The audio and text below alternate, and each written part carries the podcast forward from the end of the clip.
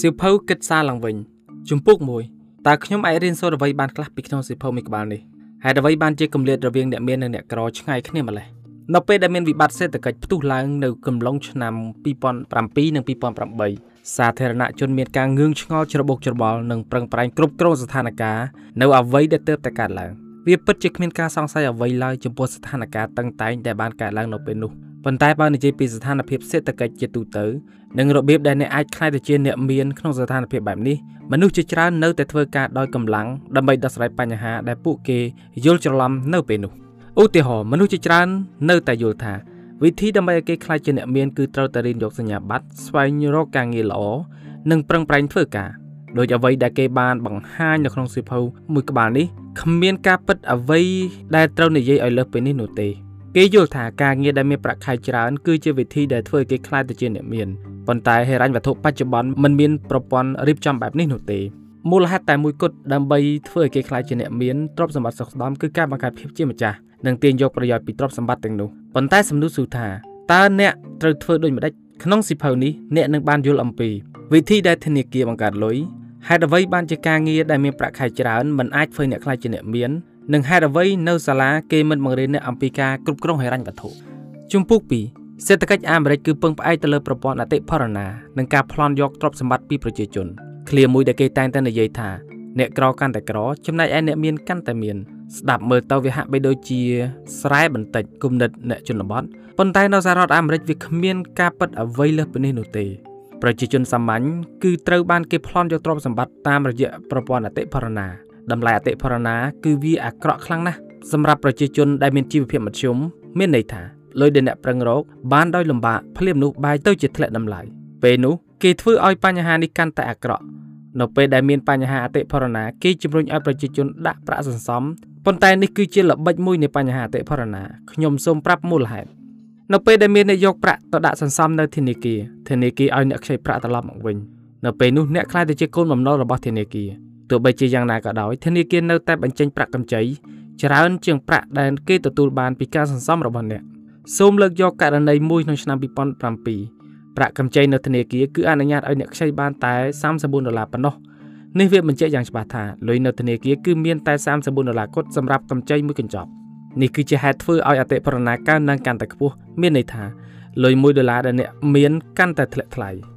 វិធីខុសខើនៃការផ្ដល់ប្រាក់កម្ចីនេះ លទ្ធផលគឺធ្វើឲ្យលុយកាន់តែប៉ោងប្រព័ន្ធហិរញ្ញវត្ថុបែបនេះគឺជំរុញឲ្យប្រជាជនកាន់តែជួបហានិភ័យប្រាក់បង្ការហានិភ័យត្រូវបានពន្ធរឹបអូសយកអស់មានន័យថា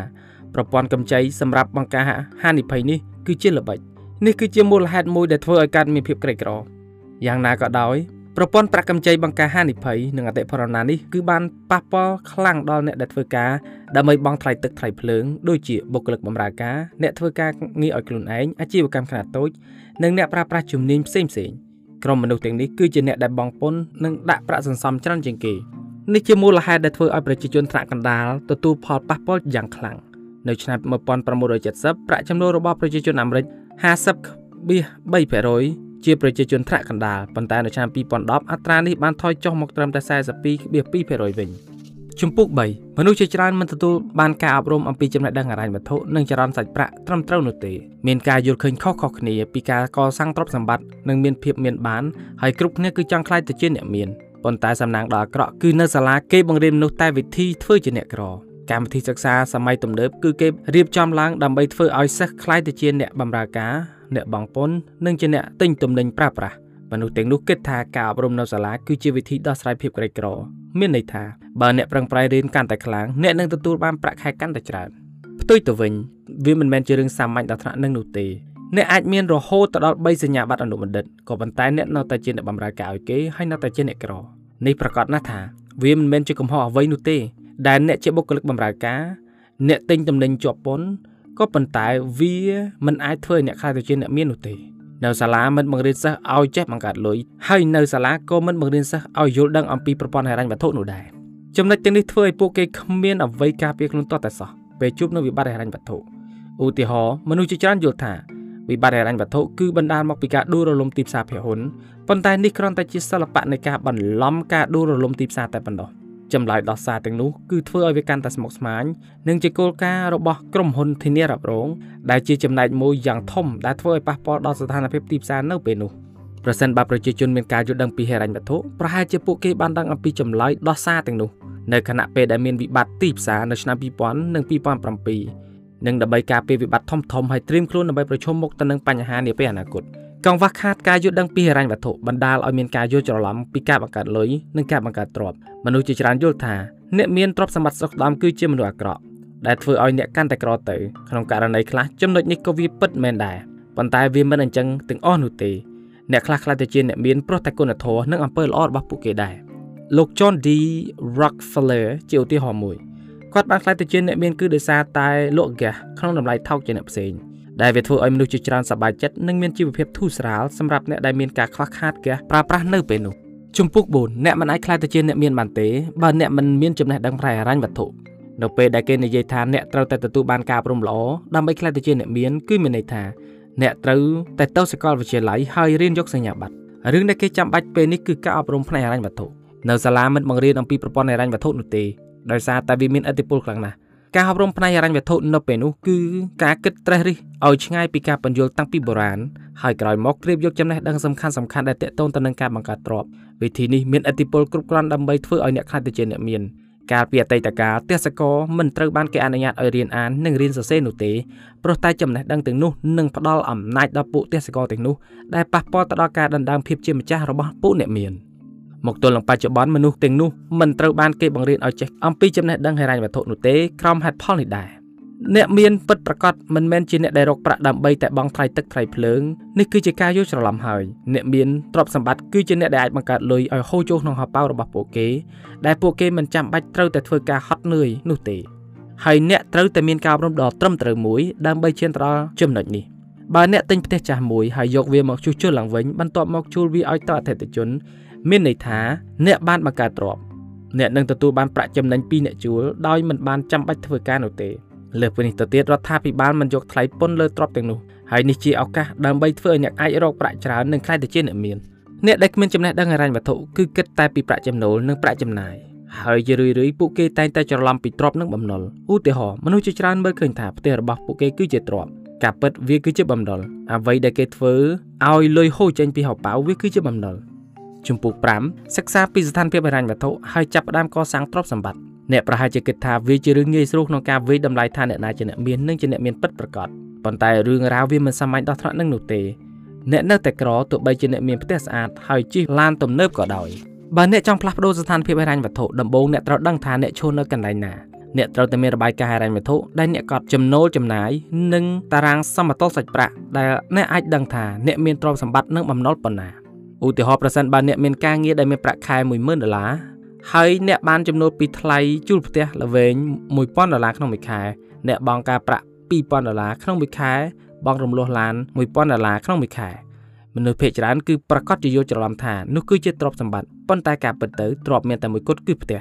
របស់ផ្សេងទៀតគឺសុទ្ធតែត្រូវចំណាយលុយនិងអ្នកដែលត្រូវធ្វើការដើម្បីវាដើម្បីឲ្យគម្រោងអនាគតរបស់អ្នកប្រសើរឡើងអ្នកអាចជ្រើសរើសទ្រព្យណាដែលក្នុងចំណោមទ្រព្យទាំង4នេះ នៅពេលដែលអ្នកស្គាល់ច្បាស់ពីស្ថានភាពហិរញ្ញវត្ថុវាពិតជាពេលវេលាមួយដែលអ្នកអាចផ្ដោតទៅលើការបង្កើតទ្រព្យទោះបីជាអ្នកមិនទាន់ដឹងច្បាស់ថាអ្នកចាប់ផ្ដើមដោយរបៀបណាក៏ដោយទ្រព្យ4ថ្នាក់របស់អ្នកគឺមានដូចជាការចាប់ផ្ដើមអាជីវកម្មអាជីវកម្មផ្នែកអចលនទ្រព្យការតែងនិពន្ធនិងផលិតផលវត្ថុធាតុដើមជាដើមជ្រើសរើសមួយណាដែលអ្នកចាប់អារម្មណ៍ហើយធ្វើឲ្យវាកាន់តែប្លែកពីគេ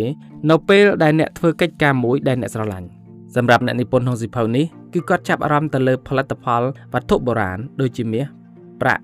ប្រេងនិងសំណង់ប្រវត្តិសាស្ត្រចំណងចំណុចចិត្តរបស់គាត់បានឲ្យគាត់ចាប់ផ្ដើមសិក្សាពីទ្រព្យរបស់គាត់ហើយគាត់រក្សាទ្រព្យទាំងនោះទុករហូតដល់វាឡើងថ្លៃទើបគាត់លក់ចេញនៅពេលដែលអ្នកទទួលបានទ្រព្យទាំងនោះវាជាជំហានទី1ដែលធ្វើឲ្យអ្នកខ្លាចទៅជាអ្នកមាននៅសេចក្តីសង្ខេបបន្ទាប់គឺអ្នកនឹងបានរៀនតើអ្នកត្រូវចាប់ផ្ដើមវាដោយរបៀបណា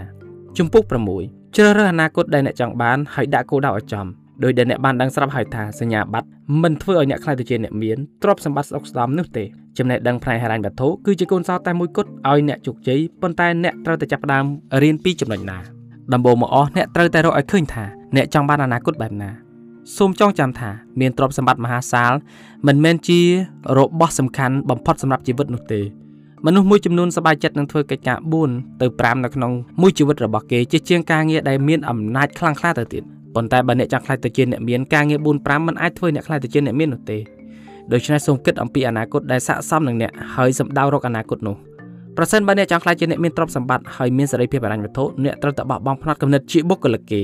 និងចាប់ផ្ដើមអាជីវកម្មធំឬក៏ការវិនិយោគណាមួយប្រកបដោយវិជ្ជាជីវៈអ្នកមិនអាចជោគជ័យលើអាជីវកម្មធំធំឬការវិនិយោគណាមួយនោះទេបើអ្នកមិនទទួលបានការអប់រំត្រឹមត្រូវ អ្នកចាំបាច់ត្រូវការជំនាញសហគ្រិនជាមុនសិនភាពខុសគ្នាមួយរវាងបុគ្គលិកបម្រើការនិងសហគ្រិនគឺសហគ្រិនមានការយល់ដឹងច្រើនទោះបីជាការយល់ដឹងនោះមិនច្បាស់លាស់ក៏ដោយក៏គេអាចប្រើអ្នកជំនាញឲ្យធ្វើការឲ្យគេបានដែរព្រោះតែនៅពេលដែលសហគ្រិនចាប់ផ្ដើមធ្វើអាជីវកម្មគេចាំបាច់ត្រូវតែដឹងនិងទទួលខុសត្រូវគ្រប់ផ្នែកតាំងពីក្រុមបច្ចេកទេសរហូតដល់ក្រុមដឹកនាំ ដូច្នេះបើអ្នកចង់ខ្លាចទៅជាសហគ្រិនអ្នកមិនចាំបាច់ត្រូវតែរៀនជំនាញច្បាស់លាស់ទាំងអស់នោះទេរៀនបន្តិចពីចំណុចនេះនិងចំណុចនោះគឺរកវិធីធ្វើអាជីវកម្មរបស់អ្នកដំណើរការបានដូចជាការបង្កើតក្រុមភាពជាអ្នកដឹកនាំនិងការកំណត់ទស្សនវិស័យជាដើមព្យាយាមធ្វើការដោយសហការជាជាងការប្រកួតប្រជែងបុគ្គលិកមានផ្នែកកំណត់គឺធ្វើការដោយប្រកួតប្រជែងដើម្បីបានតំណែងនិងទូនាទីប៉ុន្តែនេះមិនមែនជាក្រុមការងារមួយដែលអ្នកត្រូវការនោះទេសហគ្រិនចំណានដឹងច្បាស់ពីវិធីដែលដឹកនាំក្រុមទៅរកភាពជោគជ័យ ជំពូក7រៀនជំនាញក្នុងការគិតជាក់ស្ដែង practical thinking តាមរយៈបទពិសោធន៍និងការអនុវត្តភាពខុសគ្នាមួយដ៏ធំរវាងអ្នកមាននិងអ្នកក្រគឺបញ្ញាឬភាពឆ្លាតវៃតែមិនមែនជាប្រភេទនៃភាពឆ្លាតវៃដែលបានកំណត់ដូចនៅសាលានោះទេអ្នកអាចត្រូវបានគេចាត់ទុកថាជាមនុស្សឆ្លាតនៅសាលាប្រសិនបើអ្នកមានការចងចាំល្អរៀនអាននិងរៀនសរសេរបានលឿនជាងគេប៉ុន្តែនៅក្នុងពិភពលោកពិតប្រាកដអ្នកត្រូវការជំនាញផ្សេងៗទៀតដើម្បីអាចនាំមុខបាន។ សម្រាប់សហគ្រិនភាពវៃឆ្លាតគឺគ្មានអ្វីក្រៅពីសមត្ថភាពគ្រប់គ្រងហានិភ័យនិងបញ្ហាហិរញ្ញវត្ថុរៀនពីកំហុសដែលបានកើតឡើងនិងបន្តអភិវឌ្ឍសមត្ថភាពជាដរាបសហគ្រិនគឺកសាងអាជីវកម្មរបស់គេពីចំណុច0ដូច្នេះតើអ្នកត្រូវរៀនយកជំនាញនោះពីណាតាមពិតទៅទាំងនោះអ្នកអាចរៀនសូត្របានពីអ្នកដែលមានបទពិសោធន៍ជោគជ័យផ្នែកអាជីវកម្មមិត្តភ័ក្តិឬក៏វគ្គខ្លីពីអ្នកឯកទេសបន្ទាប់មកយកចំណុចជាក់ស្ដែងទាំងនោះមកអនុវត្ត ជំនាញទាំងអស់ខាងលើនេះអ្នកនឹងចងចាំវាទុកនៅពេលអនុវត្តជាក់ស្ដែងវាមិនមែនជាមេរៀនដែលត្រូវទន្ទិញសម្រាប់ការប្រឡូសនោះទេ ធ្វើវាម្ដងហើយម្ដងទៀតកំហុសគឺជាគ្រូបង្រៀនអ្នកឲ្យរកវិធីដោះស្រាយថ្មីថ្មីនៅសាលាអ្នកធ្វើខុសគឺអ្នកត្រូវបានគ្រូពិន័យហើយគេយល់ថាមានតែមនុស្សល្ងងទេដែលធ្វើខុសតែតាមពិតវាផ្ទុយពីនេះឆ្ងាយណាស់ ទោះបីជាអ្នកក៏ដោយបើអ្នកគ្មានប្រាក់ក៏អ្នកមិនអាចរៀនដោយអនុវត្តជាក់ស្ដែងបានដែរដូច្នេះអ្នកត្រូវទៅរកវិធីសាស្ត្រលបងអនុវត្តឲ្យបានជាក់ស្ដែងមុនពេលដែលខ្ញុំចាប់ផ្ដើមអាជីវកម្មផ្នែកអចលនទ្រព្យខ្ញុំរៀនពីរបៀបផ្សព្វផ្សាយដើរមើលផ្ទះនិងនិយាយទៅកាន់អ្នកដែលជួញដូរផ្នែកអចលនទ្រព្យនេះគឺជាជំនាញជាក់ស្ដែងសម្រាប់សហគ្រិនដើម្បីផ្ដល់ឲ្យគេនូវសេរីភាពហិរញ្ញវត្ថុជំពូក8កុំខ្លាចបំណុលត្រូវតែយកវាមកបង្កើតទៅជាទ្រព្យមនុស្សជាច្រើនមានគោលគំនិតគិតថាខំប្រឹងធ្វើការជាឆ្ងាយពីបំណុល នោះអ្នកនឹងគ្មានបញ្ហានោះទេសម្រាប់សហគ្រិនបំណុលប្រហែលជាមិត្តដ៏ល្អបំផុតសម្រាប់ពួកគេបំណុលអាចមានឥទ្ធិពលខ្លាំងដែលនឹងធ្វើឲ្យអ្នកកាន់តែខិតខំទ្វេដងមនុស្សជាច្រើនជឿថាបើគេខិតខំធ្វើការគេនឹងរកលុយបានច្រើនហើយគេនឹងក្លាយទៅជាអ្នកមានប៉ុន្តែការពិតជាស្ដែងពួកគេត្រូវបង់ពន្ធជូនរដ្ឋនៅចំនួនដ៏ច្រើនហើយគេរកចំណូលបានតែបន្តិចបន្តួចបើអ្នកចង់ខ្លាយទៅជាអ្នកមានទ្រព្យសម្បត្តិស្តុកស្ដំរកវិធីធ្វើតិចតែទទួលបានផលច្រើនគិតពីអ្នកប្រគំតន្ត្រី ពួកគេបានប្រែក្លាយខ្លួនពីអ្នកប្រគំតន្ត្រីផ្ទាល់ផ្ទាល់មកជាការលក់ DVD វិញមនុស្សជាច្រើន ហើយគេក៏បានធ្វើការតិចតួចប៉ុណ្ណោះបំណុលអាចជួយអ្នកក្នុងផ្លូវស្រដៀងគ្នានេះដែរក្នុងពិភពហិរញ្ញវត្ថុមានឥទ្ធិពលខ្លាំងណាស់វាអនុញ្ញាតឲ្យអ្នកប្រើឥទ្ធិពលនៃលុយបើមិនបានដូច្នោះទេអ្នកត្រូវតែសន្សំដើម្បីដល់គោលដៅរបស់វាលោក Robert បានឈានជើងចូលក្នុងវិស័យអចលនទ្រព្យនៅឆ្នាំ1980គាត់បានទិញផ្ទះល្វែងតូចមួយតម្លៃ50000ដុល្លារ គាត់បានបង់ប្រាក់កក់មុន5000ដុល្លារហើយគាត់ក៏បានខ្ចីបំណុល45000ដុល្លារដែលគាត់មានការប្រាក់10%ក្នុងមួយឆ្នាំគាត់បានចំណាយបង់ការប្រាក់ប្រចាំខែ450ដុល្លារខណៈពេលដែលគាត់ដាក់ជួលក្នុងតម្លៃ750ដុល្លារ ដូច្នេះបំណុលដើម្បីបង្កើតទ្រព្យគុណនិតពីបុរាណតែងតែប្រាប់យើងថាខំប្រឹងធ្វើការសន្សំលុយទិញទ្រព្យកុំឲ្យមានបំណុលប៉ុន្តែវាមិនដូច្នោះទេមនុស្សភាគច្រើនមិនអាចសន្សំលុយដើម្បីទិញទ្រព្យសម្បត្តិដ៏មានតម្លៃនោះទេមានតែប្រាក់កម្ចីទេទើបអាចជួយអ្នកឲ្យទៅរួចលោក Robert មានមិត្តម្នាក់ដែលប្រើវិធីនេះគាត់ទទួលបានភាពជោគជ័យជាច្រើនគាត់បានទិញព្រះវិហារមួយនៅ Scotland ដែលមានអាយុប្រហែលជា150ឆ្នាំដោយប្រើលុយកម្ចីគាត់បានប្រែក្លាយវាទៅជាផ្ទះដ៏ស្រស់ស្អាតមួយ អាគារបែកបាក់នោះត្រូវបានគេញោមញីរាប់សិបឆ្នាំហើយមានមនុស្សជាច្រើនឆ្លងកាត់ទៅនោះប៉ុន្តែគាត់មើលឃើញថាជាឱកាសដែលអាចបង្វែរទៅជាទ្រព្យសម្បត្តិគាត់បានបង្កើតលុយសម្រាប់ខ្លួនគាត់ដោយធ្វើឲ្យអាគារនោះទៅជាកន្លែងស្នាក់នៅដ៏គួរឲ្យចាប់អារម្មណ៍មួយសេចក្តីសង្ខេបចុងក្រោយដំណើរនៃចរន្តសាច់ប្រាក់បច្ចុប្បន្នបានប្លន់លុយពីអ្នកបម្រើការនិងអ្នកខិតខំធ្វើការដើម្បីក្លាយទៅជាអ្នកមានចំណែកឯកម្មវិធីអប់រំគ្មានដំណោះស្រាយណាមួយដែលពួកគេអាចគេចផុតពីបញ្ហាបានឡើយ ហើយអ្នកដែលចង់ក្លាយទៅជាអ្នកមានអ្នកត្រូវតែស្វែងយល់អំពីការបង្កើតទ្រព្យដែលល្អបំផុតសម្រាប់អ្នកធ្វើការសិក្សាស្រាវជ្រាវលំអិតហើយបើអ្នកមើលឃើញឱកាសកុំខ្លាចក្នុងការខ្ចីបំណុលយកមកបង្កើតទ្រព្យអ្នកត្រូវតែតាំងចិត្តឲ្យបានម៉ត់ចត់ជាមួយនឹងគោលដៅរបស់អ្នកដំបូន្មានដែលអាចយកទៅអនុវត្តអ្នកត្រូវតែពង្រីកចំណេះដឹងផ្នែកហិរញ្ញវត្ថុអ្នកអាចចាប់ផ្ដើមរៀនសូត្រពីសារព័ត៌មានដូចជា Wall Street Journal រកមើលពាក្យចំណេះដឹងថ្មីៗពាក់ព័ន្ធទៅនឹងហិរញ្ញវត្ថុដែលអ្នកមិនធ្លាប់បានដឹងពីមុនមក សិភៅដែលយើងណែនាំអ្នកអានបន្ថែមគឺ Rich Dad Poor Dad by Robert Kiyosaki សិភៅឪពុកអ្នកមាននេះកើតចេញពីការចងក្រងនៅចំណេះដឹងនិងបទពិសោធន៍ផ្ទាល់របស់លោក Robert ដើម្បីឲ្យអ្នកខ្លាយទៅជាអ្នកមានទ្រព្យសម្បត្តិស្រុកស្ដំអ្នកនិពន្ធបានបង្រៀនក្នុងសិភៅដែលលក់ដាច់បំផុតនៅ New York Times ដែលនៅក្នុងសង្គមមិនមានអ្នកបង្រៀនហើយក៏ជាមេរៀនដែលអ្នកមានទ្រព្យជាច្រើនបានយកទៅបង្រៀនកូនកូនរបស់គេដើម្បីរក្សាទ្រព្យសម្បត្តិ គាត់បានស្រង់សម្ដីសំខាន់សំខាន់ដែលចេញពីអាជីពការងារជាអ្នកវិនិយោគហើយគាត់ក៏បានចូលនិវត្តន៍តាំងពីក្មេងគឺនៅអាយុ47ឆ្នាំដើម្បីធ្វើជាផឹកថាងដើម្បីគ្រប់គ្រងអ្វីដែលគាត់បានបកស្រាយក្នុងសៀវភៅនេះសារពីក្រុមការងារ e-book Cambodia ក្រោយពីទទួលបានការចាប់អារម្មណ៍យ៉ាងខ្លាំងពីប្រិយមិត្តអ្នកអានលើសៀវភៅដែលបកប្រែដោយក្រុមការងារ e-book Cambodia យើងពិតជាមានសេចក្តីរំភើបរីករាយជាខ្លាំងរំភើបដែលមើលឃើញពីស្មារតីគ្មានក្មេងរហ័សរហួននិងការស្រេកឃ្លានចំណេះដឹងពីសំណាក់បងប្អូនជនរួមជាតិខ្មែរ នេះគឺជារបត់ថ្មីមួយនៃសម័យកាលឧស្សាហកម្ម4.0ដែលរលកមួយនេះនឹងបោកបក់យ៉ាងឆាប់រហ័សទៅលើផ្នត់គំនិតប្រជាជនខ្មែរយើងខ្ញុំនឹកឃើញដល់ការពី5ឆ្នាំមុនប្រជាជនយើងភាគច្រើនគឺมันមានការធនាគារ ATM ឬក៏ apps ប្រើប្រាស់នោះទេហើយក៏មិនមានការយល់ដឹងអំពីការទូទាត់សាច់ប្រាក់តាមអ៊ីនធឺណិតដែរ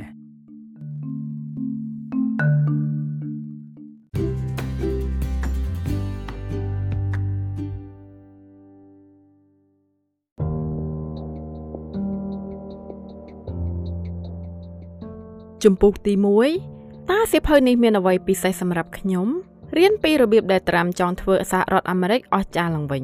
ជាទូទៅសហរដ្ឋអាមេរិកត្រូវបានគេហៅថាជាប្រទេសដែលអស្ចារ្យបំផុតនៅលើពិភពលោកប៉ុន្តែក្នុងរយៈពេលជាងមួយទសវត្សរ៍ចុងក្រោយនេះភាពត្រឹមត្រូវខាងនយោបាយនិងរដ្ឋបាលដែលមានបញ្ហារបស់លោកអូបាម៉ាបានធ្វើឲ្យអាមេរិកជាប់គាំងយ៉ាងហោចណាស់នេះគឺជាអ្វីដែលអ្នកដឹកនាំធុរកិច្ចម្នាក់ជាតារាល្បីលើកញ្ចក់ទូរទស្សន៍ព្រមទាំងជាបេក្ខជនប្រធានាធិបតីលោក Donald Trump មើលឃើញតាមទស្សនៈរបស់គាត់ អ្វីអ្វីទាំងអស់ចាប់តាំងពីគោលនយោបាយការពារជាតិវិស័យអប់រំបញ្ហាអន្តោប្រវេសន៍និងធម្មពលបានដើរថយក្រោយក្នុងអំឡុងពេលដែលលោកអូបាម៉ាធ្វើជាប្រធានាធិបតីហើយមធ្យោបាយតែមួយគត់ដើម្បីដោះស្រាយបញ្ហាលើគោលនយោបាយទាំងនេះគឺត្រូវជ្រើសរើសប្រធានាធិបតីដែលមិនខ្លាចក្នុងការនិយាយអ្វីដែលគាត់គិតទោះបីវាធ្វើឲ្យអ្នកស្ដាប់មានការអាក់អន់ចិត្តខ្លះក៏ដោយហើយលោក Donald Trump គឺជាមនុស្សដែលស័ក្តិសមបំផុតនៅក្នុងសៀវភៅនេះ អ្នកនឹងដឹងពីវិធីសាស្ត្រដែលលោកត្រាំនឹងធ្វើឲ្យរដ្ឋាភិបាលប្រទេសមិចស៊ិកជាអ្នកបងថ្លៃចំណាយទៅលើការសាងសង់ជញ្ជាំងនៅព្រំដែនរបស់ពួកគេអ្វីដែលត្រាំគិតអំពីរដ្ឋាភិបាលកណ្ដាល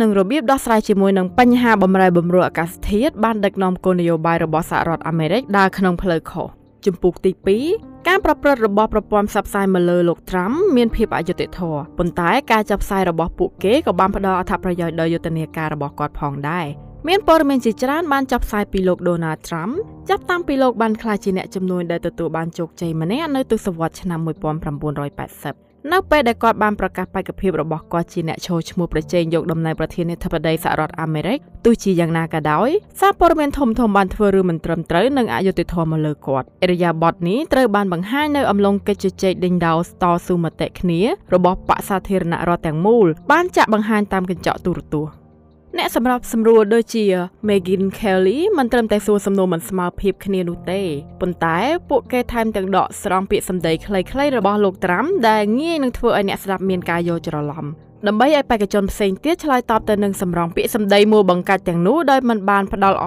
កាសឲ្យលោកត្រាំធ្វើការបកស្រាយ។ ភាពលំអៀងនៃប្រព័ន្ធផ្សព្វផ្សាយនេះក៏បង្ហាញឲ្យឃើញផងដែរនៅក្នុងរបៀបដែលសារព័ត៌មាននានាចាត់ទុកការវាយប្រហារជាឯកជនដែលបានធ្វើឡើងដោយបេក្ខជនផ្សេងទៀតមកលើលោកត្រាំថាជាបញ្ហាធំប៉ុន្តែការវាយប្រហារដូចនេះវាមិនមែនដោយសារព័ត៌មាននោះទេផ្ទុយទៅវិញប្រព័ន្ធផ្សព្វផ្សាយគួរតែផ្ដោតលើបញ្ហាដែលសំខាន់សំខាន់ដូចជាទៅលើកិច្ចព្រមព្រៀងនុយក្លេអ៊ែររវាងអ៊ីរ៉ង់និងសហរដ្ឋអាមេរិកទៅវិញទេប៉ុន្តែលោកត្រាំបានយល់ច្បាស់ពីមូលហេតុដែលប្រព័ន្ធផ្សព្វផ្សាយធ្វើមកលើគាត់តាមវិធីនេះ វាមិនមែនជារឿងចម្លែកនោះទេដែលអ្នកកាសែតដូចជា Megyn Kelly តាមវាយប្រហារលោកត្រាំនោះព្រោះវានឹងធ្វើឲ្យអង្គភាពសារព័ត៌មានរបស់ពួកគេទទួលបានការចាប់អារម្មណ៍ឲ្យកាន់តែច្រើននិងលេចធ្លោជាងគេប៉ុន្តែរាល់ការផ្សព្វផ្សាយទាំងអស់ទោះបីក្នុងគោលបំណងអវិជ្ជមានក៏ដោយចុងក្រោយវានៅតែផ្ដល់ផលប្រយោជន៍ដល់លោកត្រាំដដែល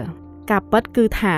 ការព្យាយាមវាយប្រហារដែលឥតឈប់ឈរពីប្រព័ន្ធផ្សព្វផ្សាយទាំងនេះគឺបានជួយផ្សព្វផ្សាយអំពីលោកត្រាំទៅសាធារណជនឥតឈប់ឈរដែលមិនចាំបាច់ចំណាយអ្វីទាំងអស់ ត្រាំថែមទាំងបានសារភាពទៀតថាពេលខ្លះគាត់ឆ្លៀតទាញប្រយោជន៍ពីស្ថានភាពទាំងនេះនិយាយរឿងឈួតឈួតដើម្បីតាក់ទាញចំណាប់អារម្មណ៍ថែមទៀតផងឈ្មោះនិងរូបថតរបស់គាត់គឺតែងតែនៅលើក្របនិងទំព័រមុខគេរបស់កាសែតជានិច្ចដែលអនុញ្ញាតឲ្យគាត់អាចបញ្ជ្រាបសារនយោបាយរបស់គាត់ទៅសាធារណជនបានដោយងាយដូច្នេះទោះបីជាលោកត្រាំសង្ឃឹមថាការចាប់ផ្សាយរបស់សារព័ត៌មាននឹងមានភាពស្មោះត្រង់និងត្រឹមត្រូវជាងមុនក៏ដោយក៏គាត់បានប្រកាន់ពីការចាប់ផ្សាយអាក្រក់ពីគាត់ដែរ ជំពូកទី3ដើម្បីថែរក្សាពលរដ្ឋអាមេរិកនិងការងាររបស់ពួកគេឲ្យមានសុវត្ថិភាពយើងត្រូវកសាងជញ្ជាំងព្រំដែនរវាងអាមេរិកនិងមិចស៊ិកផ្នែកសំខាន់នៃវេទិកាយុទ្ធនាការរបស់រុកត្រាំគឺការបង្ក្រាបការធ្វើអន្តរប្រវេសន៍ខុសច្បាប់ដើម្បីធ្វើដូចនេះលោកស្នើឲ្យរដ្ឋាភិបាលសាងសង់ជញ្ជាំងនៅតាមបណ្ដោយព្រំដែនរវាងអាមេរិកនិងមិចស៊ិកលោកត្រាំជឿជាក់ថាការធ្វើបែបនេះនឹងធ្វើឲ្យប្រសើរឡើងនៅគោលនយោបាយអន្តរប្រវេសន៍បច្ចុប្បន្នដែលកំពុងធ្វើឲ្យការងារនិងសុវត្ថិភាពរបស់ប្រជាជនអាមេរិកកំពុងមានហានិភ័យ។ គ្រោះថ្នាក់របស់ពលរដ្ឋអាមេរិកដែលកំពុងបាត់បង់ការងាររបស់ពួកគេចំពោះកម្មករអន្តរប្រវេសន៍នឹងកើនឡើងប្រសិនបើយើងបន្តអនុញ្ញាតឲ្យចំនួនជនអន្តរប្រវេសន៍ខុសច្បាប់ដែលយើងឃើញសប្តាហ៍ថ្ងៃនេះទស្សនៈនេះมันមានន័យថា Trump មានអ្វីប្រឆាំងនឹងជនអន្តរប្រវេសន៍នោះទេម្ដាយរបស់គាត់ក៏ជាជនអន្តរប្រវេសន៍ដែលមកពីប្រទេស Scotland ដែរហើយគាត់ស្រឡាញ់ម្ដាយគាត់ខ្លាំងណាស់ទោះជាយ៉ាងណាក៏ដោយអន្តរប្រវេសន៍ខុសច្បាប់គឺជារឿងមួយផ្សេងទាំងស្រុងហើយប្រសិនបើយើងនៅតែបន្តប្រងើយកន្តើយចំពោះកម្រិតនៃការធ្វើអន្តរប្រវេសន៍ខុសច្បាប់ដូចពេលបច្ចុប្បន្ននេះមានន័យថាយើងពិតជាកំពុងធ្វើខុសចំពោះជនអន្តរប្រវេសន៍ស្របច្បាប់មិនខាន ទោះបីជាយ៉ាងណាក៏ដោយបញ្ហាគ្រោះថ្នាក់ច្រើនជាងនេះទៅទៀតគឺហានិភ័យសន្តិសុខដែលបង្កឡើងដោយព្រំដែនអាមេរិកមិចស៊ិកបញ្ហាមិនមែនមានតែជនអន្តោប្រវេសន៍ខុសច្បាប់ដែលមកពីប្រទេសមិចស៊ិកនោះទេអ្នកដែលឆ្លងកាត់ព្រំដែននេះរួមមានជនជាតិអាមេរិកកណ្ដាលនិងខាងត្បូងក៏ដូចជាប្រជាជនមកពីមជ្ឈមបូព៌ាផងដែរលោកត្រាំមិនបាននិយាយថាមនុស្សទាំងអស់នេះគឺជាអ ுக ្រិតជននោះទេលោកបានអះអាងថាយើងមិនអាចដឹងថានរណាជាអ ுக ្រិតជននរណាមិនមែននោះទេពីព្រោះគោលនយោបាយបច្ចុប្បន្នរបស់អាមេរិកកំពុងខ្វះខាតនៅពេលផ្ដល់សន្តិសុខនៅតាមព្រំដែននេះឥឡូវការសាងសង់ជញ្ជាំងនៅតាមព្រំដែនមិចស៊ីកូអាចស្ដាប់ទៅមិនគួរឲ្យជឿប៉ុន្តែតាមការមើលឃើញរបស់ Trump នេះគឺជាកិច្ចខិតខំប្រឹងប្រែងជាក់ស្ដែងដែលនឹងមិនធ្វើឲ្យសហរដ្ឋអាមេរិកខាតបង់សូម្បីមួយកាក់មួយសេននោះទេយ៉ាងណាមិញប្រសិនបើជនជាតិចិនអាចសាងសង់ជញ្ជាំងដ៏ធំមួយកាលពីជាង2000ឆ្នាំមុនបានហេតុអ្វីបានជាអាមេរិកមិនអាចធ្វើបាននៅសម័យនេះលើពីនេះទៅទៀតខណៈពេលដែលមហាកំផែងចិនគ្របដណ្ដប់ចម្ងាយ13000ម៉ាយ ចិញ្ចាំងព្រំដែនខាងត្បូងរបស់អាមេរិកត្រូវការតែ1000ម៉ាយប៉ុណ្ណោះសំខាន់ជាងនេះទៅទៀតលោកត្រាំជឿជាក់ថាសហរដ្ឋអាមេរិកនឹងមិនចំណាយប្រាក់សំបីតែ1សេនដើម្បីសាងសង់វាទេលោកស្នើឲ្យមានការដាក់សម្ពាធដល់រដ្ឋាភិបាលមិចស៊ិកឲ្យផ្ដល់នូវថវិកាទាំងស្រុងដល់ការសាងសង់ជញ្ជាំងនេះ លោកត្រាំប្រមាលមើលពីវិធីពីរយ៉ាងក្នុងការធ្វើរឿងនេះទី1គឺដោយការគម្រាមកាត់លុយដែលពលករមិចស៊ិកនៅសហរដ្ឋអាមេរិកផ្ញើទៅផ្ទះឬតាមរយៈការដំឡើងថ្លៃសេវាទិដ្ឋាការសម្រាប់ប្រជាជនមិចស៊ិកចូលសហរដ្ឋអាមេរិកលើពីនេះទៅទៀតដើម្បីលើកទឹកចិត្តដល់កិច្ចសហប្រតិបត្តិការរបស់ប្រទេសមិចស៊ិកលោកត្រាំក៏នឹងដាក់សម្ពាធនៃការគម្រាមកំហែងនេះដល់ប្រទេសដទៃទៀតផងដែរហើយប្រសិនបើពួកគេមិនបានអនុវត្តតាមគោលការណ៍ដូចគ្នាទាំងនេះគឺពួកគេនឹងត្រូវរងការពិន័យយ៉ាងធ្ងន់ធ្ងរចំពុកទី4 សម្ព័ន្ធមិត្តរបស់យើងមិនគោរពយើងសត្រូវរបស់យើងមិនខ្លាចយើងរឿងនេះត្រូវតែផ្លាស់ប្ដូរយើងកំពុងរស់នៅក្នុងគ្រាដ៏លំបាកមួយនៅក្នុងប្រវត្តិសាស្ត្រមនុស្សជាតិហើយលោកត្រាំចាត់ទុកការសម្រេចចិត្តទៅលើនយោបាយការបរទេសរបស់លោកប្រធានាធិបតីអូបាម៉ាបានធ្វើឲ្យអន្តរាយដល់អាមេរិកដោយមិននិយាយដល់ពិភពលោកទាំងមូលផងសហរដ្ឋអាមេរិកត្រូវការប្រធានាធិបតីដែលមិនត្រឹមតែមើលឃើញអំពីស្ថានភាពដ៏អាក្រក់នេះប៉ុណ្ណោះទេប៉ុន្តែថែមទាំងអាចចាត់វិធានការទៅលើបញ្ហានេះទៀតផង លោកត្រាំនឹងកែលម្អឲ្យប្រកាសថាវិស័យយោធារបស់អាមេរិកត្រូវតែខ្លាំងជាងគេនៅលើពិភពលោកនេះមិនត្រឹមតែធ្វើឲ្យសត្រូវមានភាពភ័យខ្លាចប៉ុណ្ណោះទេ វាក៏នឹងជំរុញការជឿជាក់លើសម្ព័ន្ធមិត្តរបស់អាមេរិកផងដែរដោយដែលលោកត្រាំមើលឃើញវិស័យយោធាអាមេរិកកាន់តែយ៉ាប់យ៉ឺនទៅយ៉ាប់យ៉ឺនទៅនៅក្នុងប្រវត្តិសាស្ត្រថ្មីថ្មីនេះហើយបច្ចុប្បន្នកំពុងស្ថិតក្នុងស្ថានភាពគួរឲ្យព្រួយបារម្ភចំនួនកងទ័ពគឺនៅមានកម្រិតហើយគុណភាពនៃសម្ភារៈគឺមានសភាពគួរឲ្យអាណច្ចអាធំដើម្បីបង្វែរបញ្ហានេះលោកត្រាំនឹងបង្កើនកញ្ចប់ថវិកាយោធាដែលនឹងអាចជួយដល់សេដ្ឋកិច្ចអាមេរិកផងដែរដោយអនុញ្ញាតឲ្យយោធាធ្វើការបញ្ជាទិញបន្ថែមទៀតសម្រាប់គ្រឿងបារីខានិងយន្តហោះថ្មីថ្មីប្រជាជនអាមេរិករាប់ពាន់នាក់នឹងត្រូវមានការងារធ្វើបន្ថែមហើយនៅពេលដែលសហរដ្ឋអាមេរិកដណ្ដើមបានតំណែងយោធារបស់ខ្លួនវិញលោកត្រាំនឹងធានាថាពិភពលោកទាំងមូលដឹងច្បាស់ពីអនុភាពរបស់វា គាត់នឹងមិនធ្វើតាមទ្រឹស្ដីដែលពោលឡើងថានិយាយឲ្យទន់ភ្លន់ខណៈពេលដែលដៃកាន់ដំងធំនោះទេគាត់នឹងនិយាយចេញមកក្រៅឲ្យខ្លាំងខ្លាំងនិងមានមោទកភាពចំពោះកម្លាំងយោធាដ៏ខ្លាំងក្លានេះប៉ុន្តែលោកត្រាំនឹងចូលរួមធ្វើសង្គ្រាមលុត្រាណានៅពេលដែលសន្តិសុខរបស់អាមេរិកស្ថិតក្នុងគ្រោះថ្នាក់ដែលត្រូវធានាថាសត្រូវនៅតែមានភាពភ័យខ្លាចចំពោះអាមេរិកក្នុងន័យនេះលោកមើលឃើញថា ការចូលរួមរបស់យោធាអាមេរិកនៅអ៊ីរ៉ាក់គឺជាកំហុសដ៏ធំមួយព្រោះពួកគេមិនទាន់បានបង្ហាញការគម្រាមកំហែងច្បាស់លាស់ណាមួយដល់សន្តិសុខអាមេរិកឡើយ។ ផ្ទុយទៅវិញលោកត្រាំមើលឃើញថាក្រុម ISIS គឺជាការគំរាមកំហែងដ៏ធំបំផុតដែលពិភពលោកប្រឈមមុខក្នុងរយៈពេលដ៏យូរមកនេះជាមួយនឹងរបបខូខើរបស់ពួកគេដែលកំពុងប្រតិបត្តិការចេញពីប្រទេសស៊ីរីនិងអ៊ីរ៉ាក់គាត់ជឿជាក់ថាពួកគេអាចបើកការវាយប្រហារដោយថ្ងៃទី9វិច្ឆិកាលើសហរដ្ឋអាមេរិកម្ដងទៀតនៅពេលណាមួយមិនខានលោកត្រាំមិនប្រឆាំងនឹងការដាក់កងទ័ពដើម្បីបំផ្លាញក្រុម ISIS នោះទេគាត់ជឿជាក់ថាយើងមិនគួរទុកចិត្តនឹងការឆ្លើយតបតាមដែនអាកាសរបស់លោកអូបាម៉ាទេហើយយើងគួរតែធ្វើការវាយប្រហារទៅលើក្រុម ISIS ម្ដងហើយម្ដងទៀតរហូតដល់ពួកគេរលាយបាត់អស់ពីពិភពលោកចំពុកទី5ប្រព័ន្ធអប់រំអាមេរិកត្រូវតែផ្លាស់ប្ដូរកូនកូនរបស់យើងសមនឹងទទួលបានការអប់រំដ៏ល្អមួយដែលបានចូលរៀននៅសាលាធុរកិច្ចដែលល្អបំផុតនៅសហរដ្ឋអាមេរិកគឺសាលាហិរញ្ញវត្ថុវ៉ាតុនលោក Trump បានស្គាល់ច្បាស់ពីសារៈសំខាន់នៃការអប់រំគាត់ដឹងថា ការអប់រំដែលមានគុណភាពគឺមានសារៈសំខាន់សម្រាប់ភាពជោគជ័យនាពេលអនាគតតាមពិតលោកត្រាំជឿជាក់ថារដ្ឋបាលមជ្ឈិមមិនគួររារាំងផ្លូវរបស់ប្រជាជនអាមេរិកក្នុងការទទួលបានការអប់រំដ៏ល្អមួយនោះទេនៅពេលដែលលោកត្រាំសម្លឹងមើលទៅលើគំនិតផ្ដួចផ្ដើមស្ដីពីការអប់រំនាពេលបច្ចុប្បន្នដូចជាកម្មវិធីស្តង់ដារនៃមូលដ្ឋានគ្រឹះទូទៅរបស់លោកអូបាម៉ាដែលបានកំណត់ស្តង់ដារអប់រំដែលនិស្សិតអាមេរិកទាំងអស់គួរតែខិតខំបំពេញតាមធ្វើឲ្យត្រាំមើលឃើញគ្រោះមហន្តរាយដ៏គ្រោះថ្នាក់មួយដែលចាំបាច់ត្រូវតែផ្លាស់ប្ដូរ សម្រាប់លោកត្រាំកម្មវិធីបែបនេះមិនមានអ្វីក្រៅពីការព្យាយាមលាងជំនះខួរក្បាលកុមារទាំងអស់ក្នុងរបបប្រជាធិបតេយ្យដោយប្រើប្រាស់គុណតម្លៃនានាដែលមិនអាចកាត់ថ្លៃបានព្រោះថាវានឹងអាចបណ្ដាលឲ្យលទ្ធផលក្នុងវិស័យអប់រំសហរដ្ឋអាមេរិកធ្លាក់ចុះដល់ចំណាត់ថ្នាក់ទី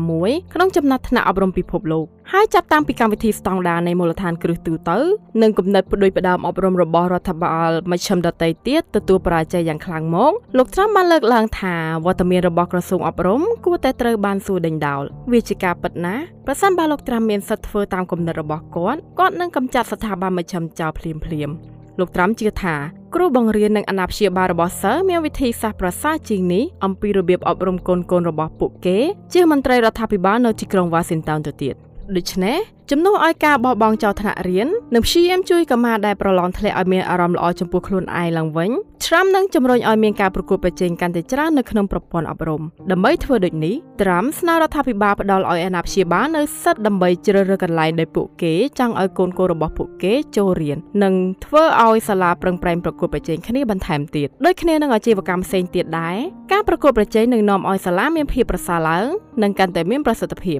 ឬក្នុងករណីដែលសាលាមានដំណើរការមិនល្អគឺអាចនឹងឈានរហូតដល់ការបិទទ្វារផងដែរលើពីនេះទៅទៀតជាមួយនឹងប័ណ្ណបញ្ជាផ្ទៃក្នុងរបស់រដ្ឋបាលមជ្ឈិមកាន់តែតិចទៅតិចទៅនៅក្នុងប្រព័ន្ធអប់រំលោកត្រាំជឿជាក់ថាសាលាឯកជនដែលគ្រប់គ្រងដោយរដ្ឋនៅទីបំផុតនឹងអាចរីកចម្រើនខ្លាំងនេះគឺជារឿងល្អវាជាការពិតណាស់ ការសិក្សាស្រាវជ្រាវរបស់សាកលវិទ្យាល័យ Stanford ដដែលដែលបានសិក្សាទៅលើតំបន់ទីក្រុងចំនួន41កន្លែងបានបង្ហាញថានិស្សិតមកពីសាលាឯកជនដែលគ្រប់គ្រងដោយរដ្ឋបាលធ្វើបានល្អជាងនិស្សិតដែលមកពីសាលារដ្ឋទាំងផ្នែកគណិតវិទ្យានិងការអាន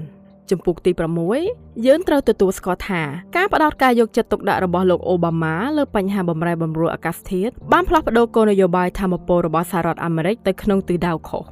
នៅពេលលោកអូបាម៉ាបានថ្លែងសុន្ទរកថារដ្ឋនៃសហភាពរបស់គាត់នៅឆ្នាំ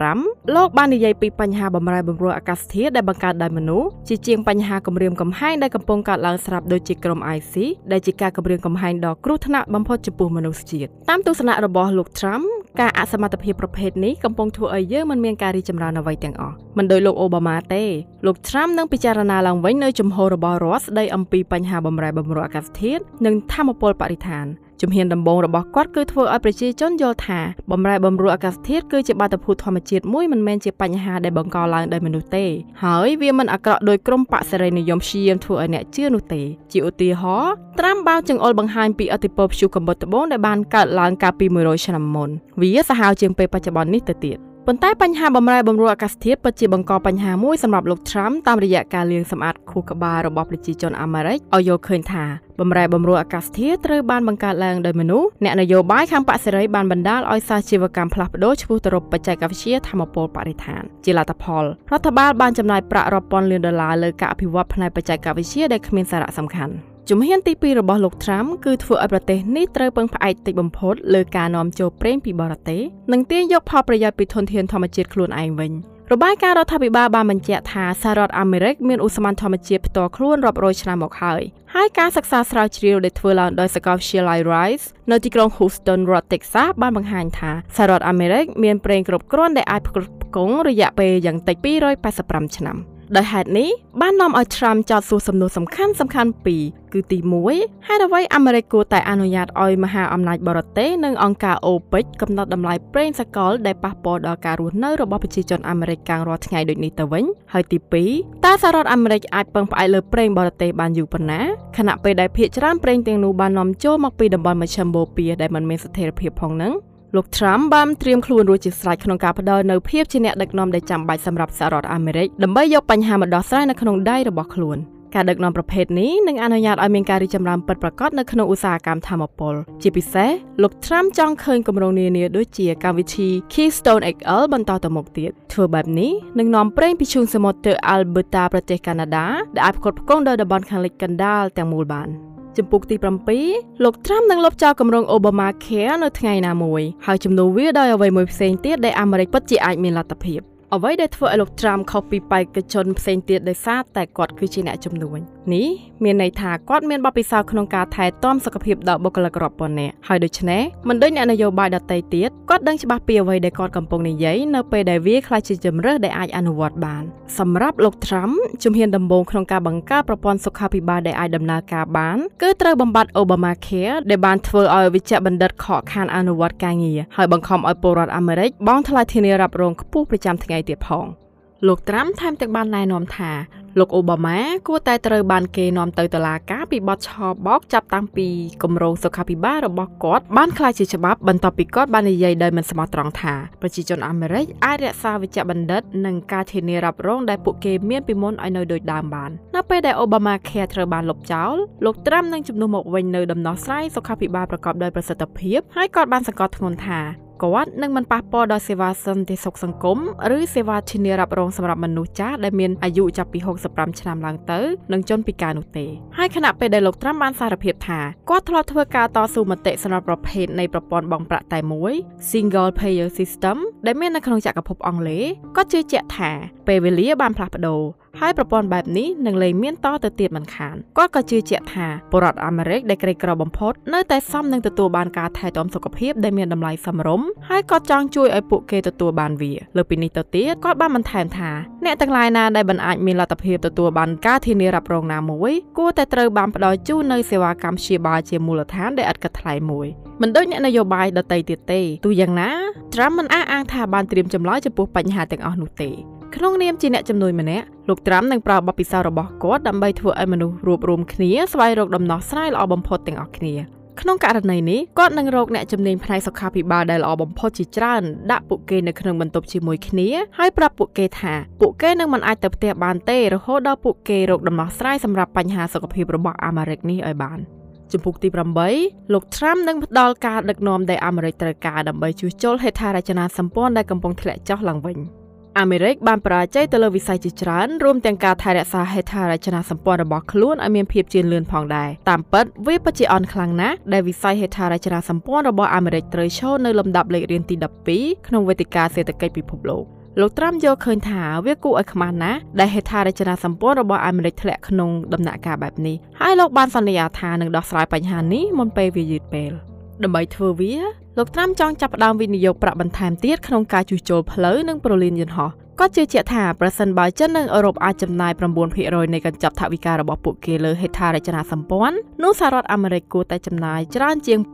2.4%ដែលជាចំនួនបច្ចុប្បន្ននេះលោកត្រាំចង្អុលបង្ហាញពីរបៀបដែលការខ្វះខាតនៃការចំណាយអាចធ្វើឲ្យមានផលប៉ះពាល់ដល់ផលិតភាពរបស់ប្រទេស លោកបានលើកឡើងពីការខាតបង់ទឹកប្រាក់ចំនួន200ពាន់លានដុល្លារប្រចាំឆ្នាំដោយសារបញ្ហាហេដ្ឋារចនាសម្ព័ន្ធវាប្រៀបបីដូចជាអាមេរិកកំពុងកកស្ទះចរាចរណ៍អញ្ចឹងប៉ុន្តែវាមិនត្រឹមតែកាត់បន្ថយផលិតភាពនិងហិរញ្ញវត្ថុរបស់អាមេរិកប៉ុណ្ណោះទេវាក៏បង្កគ្រោះថ្នាក់ដល់សុវត្ថិភាពរបស់យើងផងដែររបាយការណ៍បានបង្ហាញថាស្ពានមួយក្នុងចំណោមស្ពានចំនួន9នៅសហរដ្ឋអាមេរិកគឺកំពុងស្ថិតក្នុងគ្រោះថ្នាក់នៃការបាក់រលំក្នុងរយៈពេល35ឆ្នាំចុងក្រោយនេះស្ពានចំនួន600ត្រូវបានបាក់ លោកត្រាំនឹងក្លាយជាប្រធានាធិបតីដែលអាចធ្វើឲ្យហេដ្ឋារចនាសម្ព័ន្ធរបស់អាមេរិកដំណើរការម្ដងទៀតបទពិសោធន៍អាជីវកម្មរបស់គាត់បានបង្រៀនគាត់ពីរបៀបធ្វើកិច្ចការមួយឲ្យបានសម្រេចឧទាហរណ៍នៅពេលមួយទីក្រុងញូវយ៉កបានព្យាយាមសាងសង់រនាំងជិះស្គីលើទឹកកកធម្មតាមួយគម្រោងនេះនឹងចំណាយពេល7ឆ្នាំប៉ុន្តែនៅពេលដែលលោកត្រាំបានកាន់កាប់វាត្រូវបានបញ្ចប់ក្នុងរយៈពេលត្រឹមតែ4ខែប៉ុណ្ណោះហើយក៏ពិតជាបានគ្រប់គ្រងការសន្សំថវិការបស់ទីក្រុងនៅក្នុងដំណើរការនេះទៀតផងដែរ នេះជាប្រភេទនៃការដឹកនាំដែលលោកត្រាំនឹងយកមកគ្រប់គ្រងការកសាងហេដ្ឋារចនាសម្ព័ន្ធអាមេរិកឡើងវិញហើយការចំណាយរបស់គាត់ក៏នឹងបង្កើតការងារនិងកំណើនសេដ្ឋកិច្ចផងដែរលោកបានបង្ហាញថាជាមួយនឹងការវិនិយោគ1ដុល្លារសម្រាប់ការជួសជុលផ្លូវស្ពាននិងអាកាសយានដ្ឋាន ទឹកប្រាក់ចំនួន1.44ដុល្លារនឹងត្រូវនាំចូលមកក្នុងសេដ្ឋកិច្ចតាមរយៈការធ្វើពាណិជ្ជកម្មឲ្យកាន់តែប្រសើរឡើងលើពីនេះទៅទៀតការជួសជុលទាំងនេះនឹងបង្កើតការងារជាច្រើនដល់ពលរដ្ឋតាមពិតទូរលេខពីគណៈកម្មាធិការថវិកាប្រសិទ្ធភាពបានប្រមាណថាគឺត្រូវការមនុស្សចំនួន13លាននាក់ដើម្បីធ្វើការទៅលើគម្រោងជួសជុលហេដ្ឋារចនាសម្ព័ន្ធនេះសេចក្តីសង្ខេបចុងក្រោយសារសំខាន់នៅក្នុងសៀវភៅនេះ ប្រជាជនអាមេរិកនឿយហត់នឹងធុញទ្រាន់នឹងរដ្ឋាភិបាលដែលគ្មានសមត្ថភាពអាចសម្រេចកិច្ចការមូលដ្ឋានធម្មតាធម្មតាបាន Donald Trump មានផែនការក្នុងការផ្លាស់ប្ដូរមុខមាត់សហរដ្ឋអាមេរិកឡើងវិញផ្ដល់ការងារឲ្យពលរដ្ឋអាមេរិកវិញនិងការពារប្រទេសពីការគំរាមកំហែងទាំងឡាយពីខាងក្រៅលើពីនេះទៅទៀតគាត់នឹងធ្វើការទាំងអស់នេះប្រកបដោយប្រសិទ្ធភាពនិងឆាប់រហ័សបំផុតដែលមានតែអ្នកជំនួញដែលមានបទពិសោធន៍ម្នាក់ប៉ុណ្ណោះដែលអាចធ្វើរឿងនេះបាន។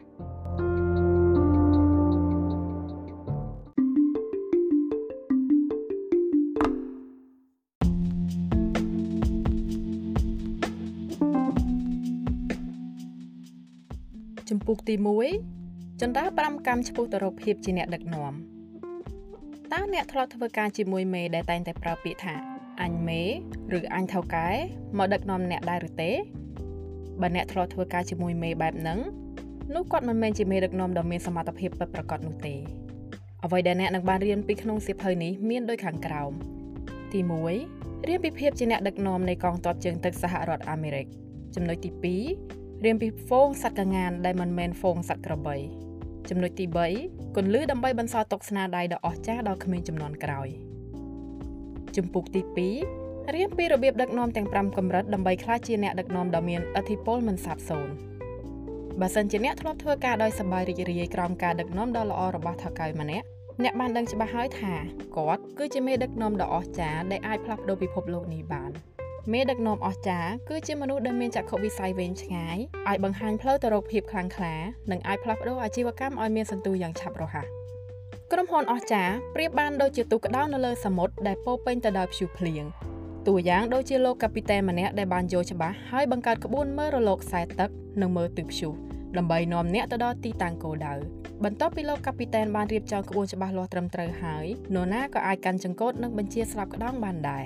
ដូច្នេះ អ្នកមិនអាចខ្វះមេដឹកនាំដែលមានចក្ខុវិស័យគិតឆ្ពោះទៅមុខបាននោះទេត្រង់ចំណុចនេះអ្នកប្រហែលជាភ្ញាក់ផ្អើល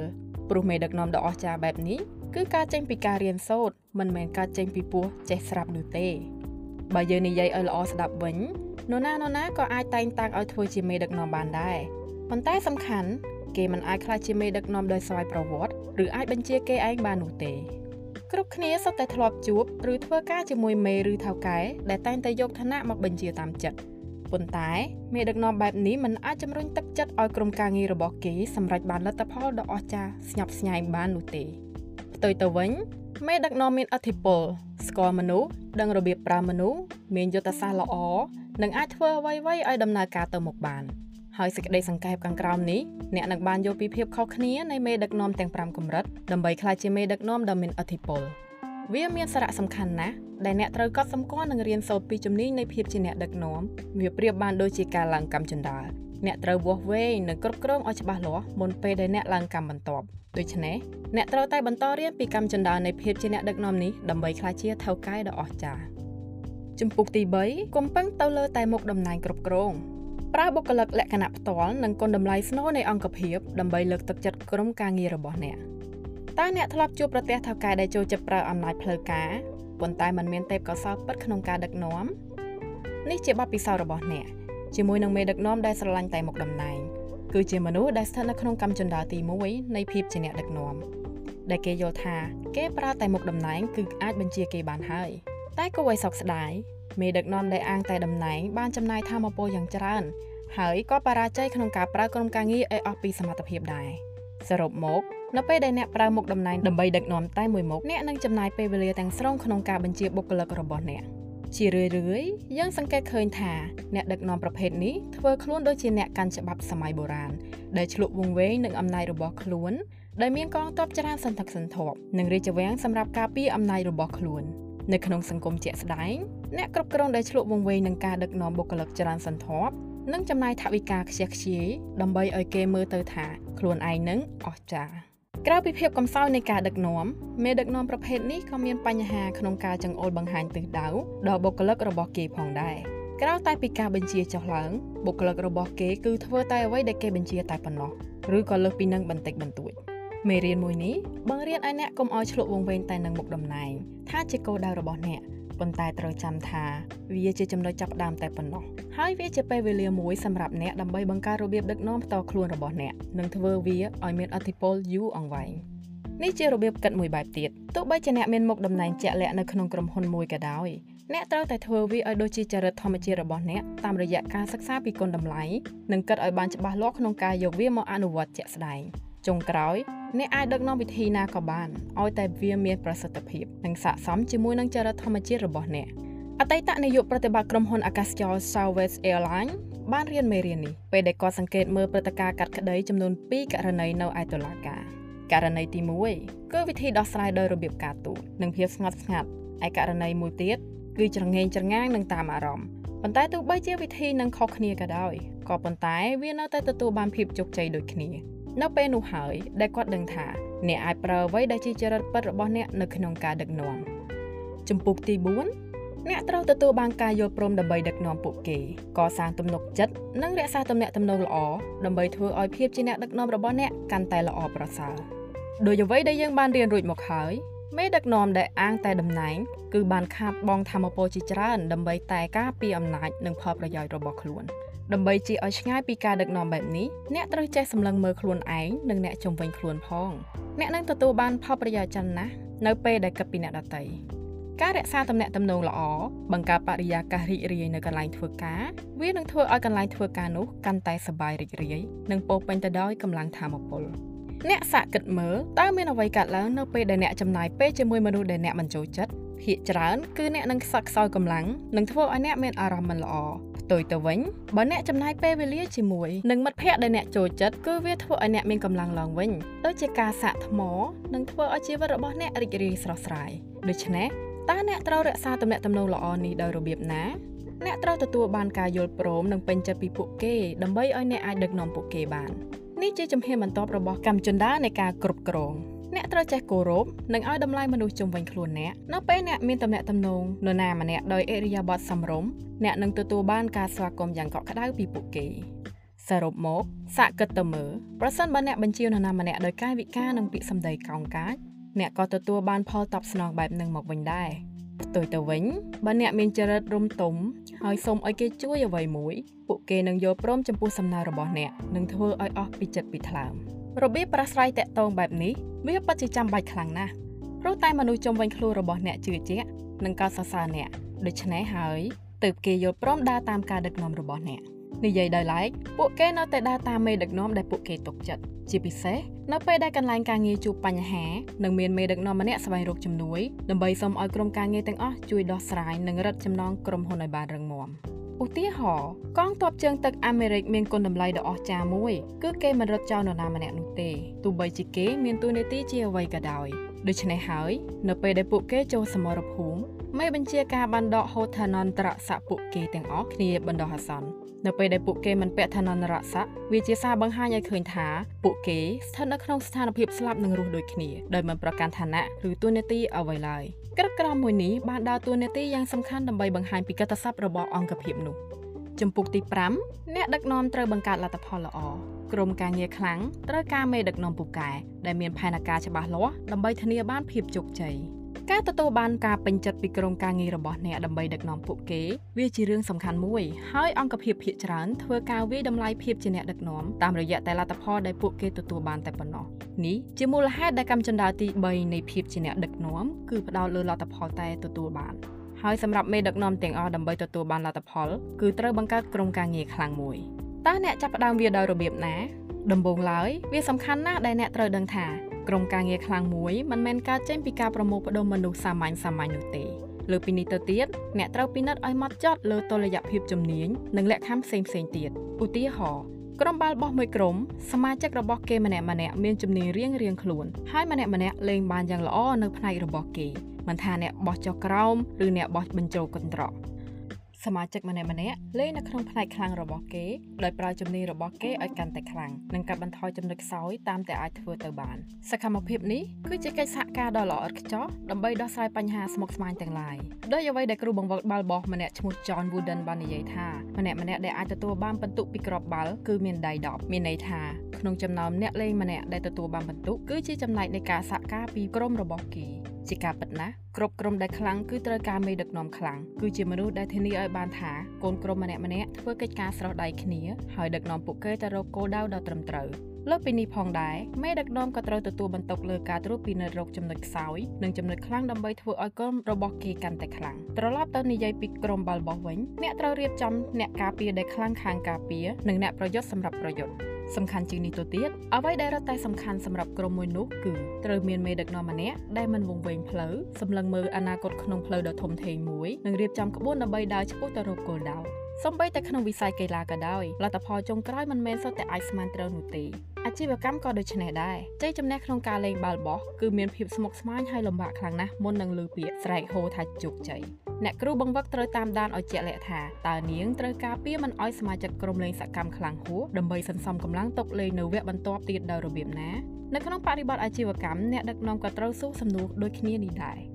ចំពុកទី6មេដឹកនាំខ្លាំងធ្វើទង្វើបង្ហាញលទ្ធផលដល់ក្រុមនិងធ្វើឲ្យក្រុមមានធម៌ពលខ្លាំងក្លាបង្កើតសមិទ្ធផលឲ្យបានច្រើនប្រសើរជាងចេះតែបង្កើតក្រុមក្នុងនាមជាអ្នកដឹកនាំអ្នកត្រូវធ្វើទង្វើឲ្យគេមើលប្រសិនបើអ្នកដឹកនាំដោយភាពប្រហើនកោងកាចឬក៏ស្ទាក់ស្ទើរអេរយាប័តនេះនឹងជះឥទ្ធិពលដល់ក្រុមរបស់អ្នកឲ្យចុះខ្សោយដូចនេះដែរតែប្រសិនបើអ្នកបង្ហាញការខិតខំប្រឹងប្រែងឥតឈប់ឈរនោះក្រុមការងាររបស់អ្នកក៏ខ្លាំងក្លាទៅតាមនោះដែរ ជាឧទាហរណ៍មានរឿងដំណាលមួយដែលនៅកំឡុងពេលសង្គ្រាមបដិវត្តកើតឡើងលោក George Washington បានជិះសេះឡើងទៅលើសំដៅទៅកាន់ក្រុមទាហានដែលលើកដុំឈើធ្វើថ្នាំមួយមិនរួចជំនួសឲ្យការជួយដោយផ្ទាល់លោកមេបញ្ជាការរូបនេះបានឈរមកគេហើយជួយស្រែកលើកទឹកចិត្តពួកគាត់ប៉ុន្តែនៅពេលដែលគាត់បានដឹងថាការស្រែករបស់គាត់បានធ្វើឲ្យកងទ័ពមានកម្លាំងយ៉ាងពុះកញ្ជ្រោលហើយលោក Washington បានចុះពីលើខ្នងសេះនិងបានចូលរួមលើកដុំឈើជាមួយគ្នាមិនយូរប៉ុន្មានកងទ័ពរបស់លោកអាចរំកិលដុំឈើបានដោយជោគជ័យ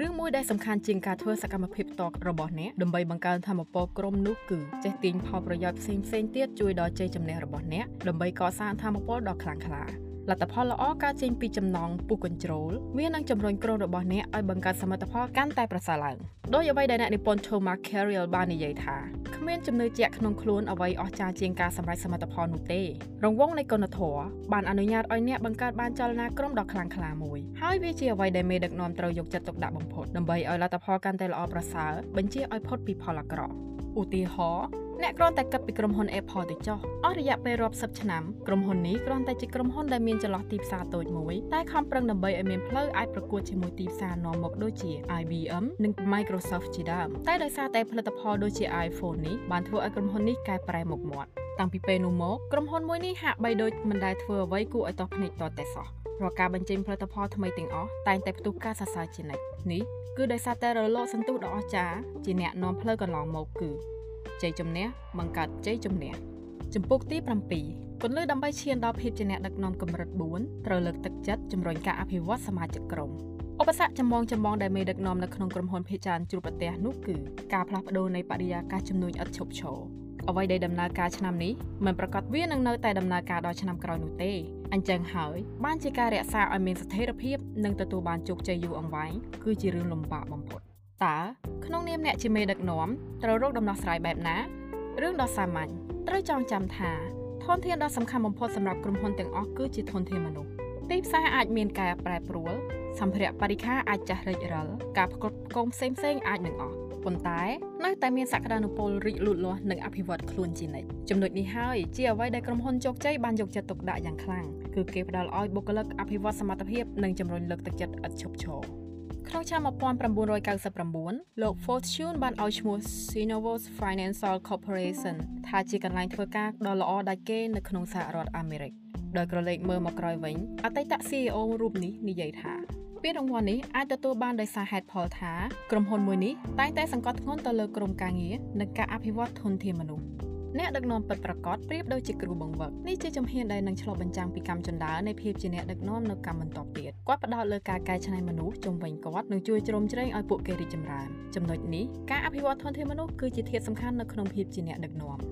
សូមលើកឧទាហរណ៍ អ្នកនិពន្ធបានសង្កេតឃើញថាអ្នកដឹកនាំបែបផ្លាស់ប្ដូរមនុស្ស transformative leaders ដាក់ការប្រឹងប្រែងរបស់គេតែ20%តែប៉ុណ្ណោះលើផលិតភាពរបស់ខ្លួននិងចំណាយការប្រឹងប្រែង80%ដែលនៅសល់ទៅលើការអភិវឌ្ឍសមត្ថភាពបុគ្គលិកមានន័យថាអ្នកដឹកនាំអស្ចារ្យຕົកចោលការរីកចម្រើនខ្លួនឯងមិនសំខាន់ដោយគោលដៅធំនៃការបង្កើតក្រុមការងារដ៏អច្ឆរិយៈនោះទេវាមានសារៈសំខាន់ដែលត្រូវកត់សម្គាល់ថាការអភិវឌ្ឍខ្លួនវាមិនគ្រាន់តែល្អសម្រាប់ក្រុមហ៊ុននោះទេវាក៏ជាដំណើរការចាំបាច់របស់មនុស្សផងដែរ ដោយការបំពេញតម្រូវការនេះវានឹងនាំឲ្យបុគ្គលិករបស់អ្នកមានភក្ដីភាពសម្រាប់ក្រុមហ៊ុនកាត់បន្ថយការប្រែចិត្តទៅលើការស្វែងរកឱកាសនៅកន្លែងផ្សេងដោយដែលយើងបានសិក្សាហើយការអភិវឌ្ឍមនុស្សមានសារៈសំខាន់យ៉ាងធំធេងសម្រាប់ភាពជោគជ័យវែងឆ្ងាយរបស់ក្រុមហ៊ុនមួយហើយក្នុងនាមជាអ្នកបង្ហាត់បង្ហាញម្នាក់អ្នកត្រូវតែរកឲ្យឃើញតុល្យភាពរវាងការបង្រៀនបុគ្គលិករបស់អ្នកនិងពង្រឹងសមត្ថភាពពួកគេដើម្បីឲ្យពួកគេចេះធំធាត់ដោយខ្លួនឯង ចំពុកទី8ការបណ្ដោះអនាគតអ្នកដឹកនាំគឺជាភារកិច្ចដ៏ចាំបាច់បំផុតដើម្បីបន្សល់ទុកនូវកេរដំណែលដល់អ្នកចំនួនក្រោយខ្លាចជាមេដឹកនាំជោគជ័យម្នាក់មានដំណើរវែងឆ្ងាយណាស់ប៉ុន្តែផលល្អដែលកើតចេញពីការដឹកនាំនេះគឺអស្ចារ្យណាស់តែយ៉ាងណាដំណើរនេះមិនមានថ្ងៃបញ្ចប់នោះទេដោយសារតែអ្នកដឹកនាំពិតប្រាកដមិនដែលឈប់ចែករំលែកដោយការបង្រៀនអ្នកដទៃដើម្បីក្លាយជាអ្នកដឹកនាំដូចគ្នាដែរមានហេតុផលមួយចំនួនដែលបង្ហាញថាការបង្រៀនអ្នកដទៃមានសារៈសំខាន់ មានតែមនុស្សម្នាក់ជាអ្នកធ្វើការរាល់ការសម្រេចចិត្តអ្នកដទៃទៀតក្នុងក្រុមហ៊ុននឹងក្លាយជាមនុស្សអសកម្មនិងមិនឯករាជ្យអ្នកនិពន្ធបានទាំងប្រៀបធៀបទៅនឹងការដឹកនាំតាមបែបប្រពៃណីនេះថាជាក្របីមួយហ្វូង ជំនួសឲ្យការដើរតាមហ្វូងក្របីទាំងងងឹតងងុលអង្គភាពដែលមានប្រសិទ្ធភាពពិតប្រាកដគេរៀបចំដូចជាកងានមួយហ្វូងដែលហោះហើរជារាងអសវីនិងបន្តឆ្លាស់គ្នារវាងអ្នកដែលត្រូវនាំមុខដើម្បីហើរទប់ទល់នឹងកម្លាំងខ្យល់ហេតុផលមួយទៀតគឺថាមានមេដឹកនាំតែម្នាក់គឺមិនសមតតែសោះពេលម្នាក់នោះឈប់តើមានអ្នកណាដែលមានសមត្ថភាពគ្រប់គ្រាន់សម្រាប់ដឹកនាំបន្តបាន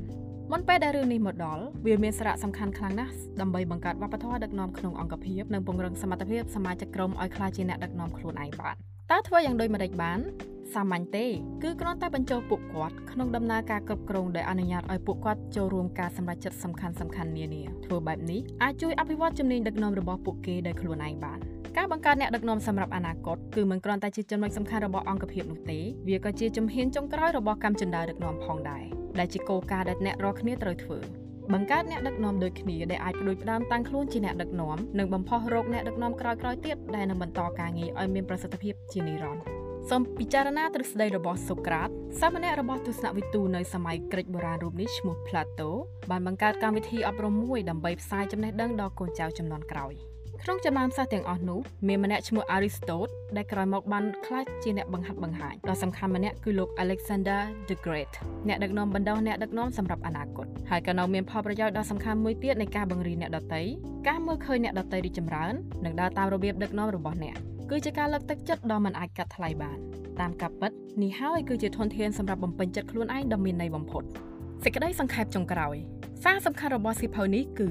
អ្នកដឹកនាំពិតប្រាកដមិនមែនកំណត់ដោយទំនួលខុសត្រូវការងារចេញពីការសរសេរជាផ្លូវការនោះទេតែវាកំណត់ដោយការមានអធិពលទៅលើអ្នកដទៃទៅវិញទេដើម្បីមានសមិទ្ធផលអស្ចារ្យជាអ្នកដឹកនាំម្នាក់សូមធ្វើជាអ្នកទំនុកបំរុងបុគ្គលិករបស់អ្នកបង្កើតឲ្យមានក្រុមការងារដ៏មានប្រសិទ្ធភាពមួយហើយជំរុញអ្នកផ្សេងទៀតឲ្យរីកចម្រើននិងក្លាយជាមេដឹកនាំដោយខ្លួនឯងបាន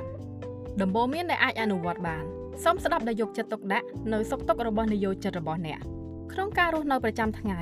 នៅពេលយើងសួរថាតើអ្នកសុខសប្បាយទេ យើងដូចជាមិនសូវខ្វល់ពីចម្លើយនឹងសំណួរនេះទេជាមេដឹកនាំម្នាក់អ្នកត្រូវតែផ្លាស់ប្ដូរទង្វើមួយនេះចេញ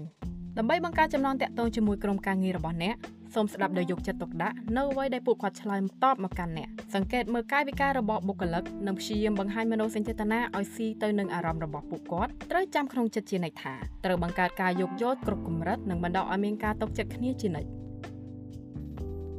សារពី ebook Cambodia រាប់សតវត្សមកហើយ និយាយដោយសង្ខេបចាប់តាំងពីការបាត់ព្រះកាយព្រះបាទជ័យវរ្ម័នទី7មកម្លេះកម្ពុជាមិនទាន់មានរដ្ឋបរោះណាម្នាក់អស្ចារ្យដែលអាចស្ដារប្រទេសឲ្យខ្លាំងក្លាឡើងវិញបាននោះទេ ការបាត់ឌុំប្រលឹងនិងមេកំណត់ធ្វើឲ្យមានមនុស្សជាច្រើនច្រឡំខ្លួនថា ជាអ្នកប្រាជ្ញនិងការកំណត់តួឯកនិយមការនេះបណ្ដាលឲ្យមានការបែកបាក់សាមគ្គីគំនិត និងស្មារតីរួបរวมរបស់អ្នកចេះដឹងប្រទេសមួយថមថយនឹងចុះខ្សោយ គឺនៅពេលដែលអ្នកចេះដឹងវាប្រហារនិងចង់ឈ្នះចង់ចាញ់គ្នា ខ្វះស្មារតីតម្កល់ជាតិជាធំបច្ចុប្បន្នភាពចាប់តាំងពីថ្នាក់ដឹកនាំកម្ពុជាបណ្ឌិតសភាចារសាស្ត្រាចារ្យរហូតដល់រាជតូចទៀបតែតែកើតគំនិតចង់ឈ្នះចង់ចាញ់ជាតិសាសន៍ខ្លួនឯងពួកគេមិនបង្អង់ដៃដល់ជនណាម្នាក់ដែលធ្វើខុស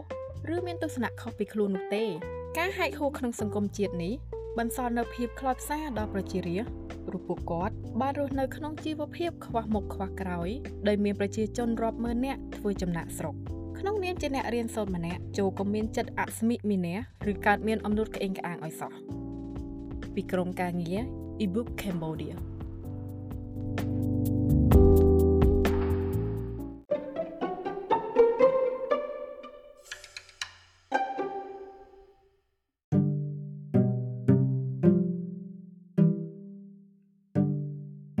ចំពោះទី1តើសៀវភៅមួយក្បាលនេះមានសារៈប្រយោជន៍អ្វីខ្លះសម្រាប់អ្នកសិភៅនេះនឹងប្រាប់អ្នកថាតើមហាយៈចិននិងសហរដ្ឋអាមេរិកកំពុងឈរនៅទីតាំងមួយណានៃការប្រកួតប្រជែង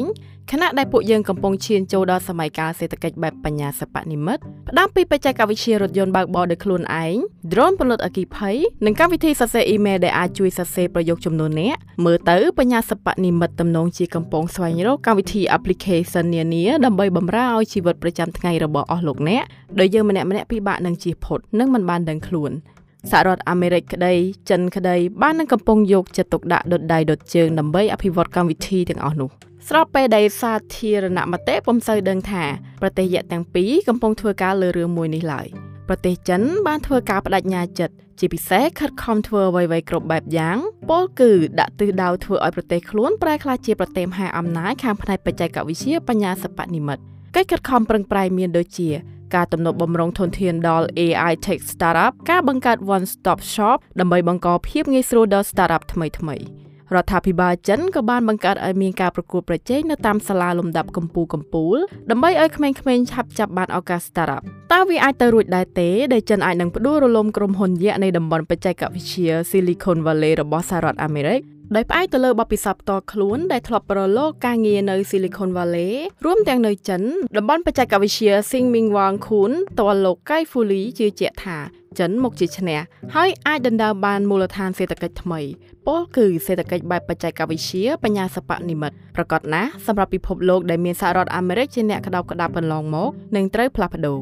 មិនអ្នកអានទាំងឡាយតទៅនេះអ្នកនឹងរកឃើញថា តើក្រុមហ៊ុន Group On របស់ចិនក្លាយជា Startup ធំជាងគេនៅលើពិភពលោកដោយរបៀបណាតើកម្មវិធី WeChat អាចប្រែខ្លួនជាកំពូល App និងធំបំផុតក្នុងលោកដោយរបៀបណាតើជំងឺមហារីកបង្កការព្រួយបារម្ភអ្វីខ្លះដល់អ្នកនិពន្ធបានជាយើងត្រឡប់ទៅគិតឡើងវិញពីទំនាក់ទំនងរវាងមនុស្សនិងបញ្ញាសិប្បនិម្មិតចំពុកទី2អរគុណចំពោះរបបកំហើញបច្ចេកវិទ្យាផ្នែកការសិក្សាបែបស៊ីជម្រៅ Deep Learning ដែលធ្វើឲ្យយើងកាន់តែខិតជិតសេដ្ឋកិច្ចបែបបញ្ញាសិប្បនិម្មិត រហូតមកទល់នឹងពេលថ្មីថ្មីនេះកាលណាគេនិយាយពីបញ្ញាសិប្បនិម្មិតគ្រប់គ្នាគិតថាវាហាក់បីដូចជាការស្រមើស្រមៃឬមានតែនៅក្នុងខ្សែភាពយន្តបែបវិទ្យាសាស្ត្រអញ្ចឹងប៉ុន្តែបច្ចុប្បន្ននេះរាប់តាំងពីក្មេងនៅតាមសាលារហូតដល់អគ្គនាយកក្រុមហ៊ុននានាចាប់ផ្ដើមកត់សម្គាល់ពីវត្តមានរបស់បញ្ញាសិប្បនិម្មិតដែលផ្ដើមចូលមកក្នុងជីវិតរស់នៅរបស់យើង ជាការពិតណាស់រាល់ពេលដែលលោកកៃហ្វូលីឡើងវេទិកាចែករំលែកដល់ក្មេងៗក្តីឬក្នុងកិច្ចប្រជុំធំដែលមានអ្នកចូលរួមសុទ្ធតែលំដាប់អគ្គនាយកក្តីសំណួរផ្សេងៗដែលចោទសួរមកកាន់រូបគាត់ផ្ទាល់មានលក្ខណៈស្រដៀងគ្នាមិនថាសំណួរទាំងអស់នេះសួរចេញពីមាត់ក្មេងៗឬអគ្គនាយកតួយ៉ាងតើថ្ងៃអនាគតយើងនឹងមានគ្រូបង្រៀនរ៉ូបូតឬជាមនុស្សយន្តដំណើរការដោយបញ្ញាសិប្បនិម្មិតឬទេបើការងារមួយចំនួនត្រូវជំនួសដោយបច្ចេកវិទ្យាបញ្ញាសិប្បនិម្មិតចុះថ្ងៃក្រោយយើងត្រូវធ្វើការងារអ្វី មើលមកពេលនេះបច្ចេកវិទ្យាបញ្ញាសិប្បនិម្មិតហាក់បីដូចជារឿងថ្មីថ្មោងជាការពិតទៅបច្ចេកវិទ្យានេះត្រូវឆ្លងកាត់ការសិក្សាស្រាវជ្រាវរាប់ទសវត្សរ៍មកហើយមួយវិញទៀតអរគុណជាពិសេសដល់របបកំហើញបច្ចេកវិទ្យាផ្នែកការសិក្សាបែបស៊ីជម្រៅដែលបានប្រែខ្លួនបច្ចេកវិទ្យាបញ្ញាសិប្បនិម្មិតឲ្យក្លាយជាកត្តាលីករយ៉ាងសំខាន់ជំនួយដល់វិស័យចំនួនសម័យថ្មីមុននឹងការមកដល់របត់មួយនៃបច្ចេកវិទ្យាផ្នែកការសិក្សាបែបស៊ីជម្រៅដោយសពថ្ងៃនេះវាមានឫសគល់តាំងពីទសវត្សរ៍50មកម្លេះ នៅពេលនោះអ្នកស្រាវជ្រាវពីររូបគឺលោក Marvin Minsky និងលោក John McCarthy មានគោលដៅបង្កើតកុំព្យូទ័រដែលមានសមត្ថភាពដូចបញ្ញារបស់មនុស្សចំណែកអ្នកនិពន្ធសៀវភៅនេះផ្ទាល់បានប្រឡូកខ្លួនចូលក្នុងវិស័យនេះនាដើមទសវត្សរ៍80ហើយការសិក្សាស្រាវជ្រាវលើបច្ចេកវិទ្យាខាងដើមមានផ្នែកពីរធំធំ ទី1គឺ rule based people និង neural network rule based AI ជឿថា យើងអាចទទួលលទ្ធផលដ៏ល្អមួយបើយើងសរសេរកម្មវិធីឲ្យម៉ាស៊ីនដំណើរការដោយប្រើច្បាប់មួយក្នុងពេលតែមួយឧទាហរណ៍យើងសរសេរកម្មវិធីប្រាប់ទៅម៉ាស៊ីនកុំព្យូទ័រថាឆ្មាមានត្រចៀករាងត្រីកោណចំណែកឯដំណើរការរបស់ neural network គឺវាដូចនេះវាឲ្យម៉ាស៊ីនកុំព្យូទ័ររៀនដោយខ្លួនឯងប្រហាក់ប្រហែលនឹងដំណើរការរៀនរបស់មនុស្សដែលធ្វើឡើងតាមរយៈពិសោធន៍តទៅនេះសូមលោកឧទាហរណ៍ឲ្យបណ្ដាមិត្តអ្នកអានងាយយល់ពី neural network តួយ៉ាងរូបឆ្មាដដែល ដំបូងឡើយម៉ាស៊ីនកុំព្យូទ័រធ្វើការវិភាគលើរូបនិងផ្ដល់ចម្លើយត្រឡប់មកវិញថាមិនមែនជារូបឆ្មាទេអញ្ចឹងតនន័យដែលវិភាគខបានក្លាយជាបទពិសោធន៍សម្រាប់ឲ្យម៉ាស៊ីនយកទៅរៀនបន្តទៀតនិងបន្ថែមភាពសុក្រិតដល់ការវិភាគរបស់ម៉ាស៊ីននៅពេលបន្តមានកត្តាពីរយ៉ាងដែលចាំបាច់សម្រាប់ Neural Network Based AI ទី1គឺបរិមាណនៃទិន្នន័យនិងទី2គឺល្បឿនក្នុងការវិភាគនិងដោះស្រាយរបស់កុំព្យូទ័រ ចូលមកដល់ពាក់កណ្ដាលឆ្នាំ2000ទៅកត្តាចាំបាច់ខាងលើមានគ្រប់គ្រាន់និងជួយសម្រួលដល់ Neural Network Based AI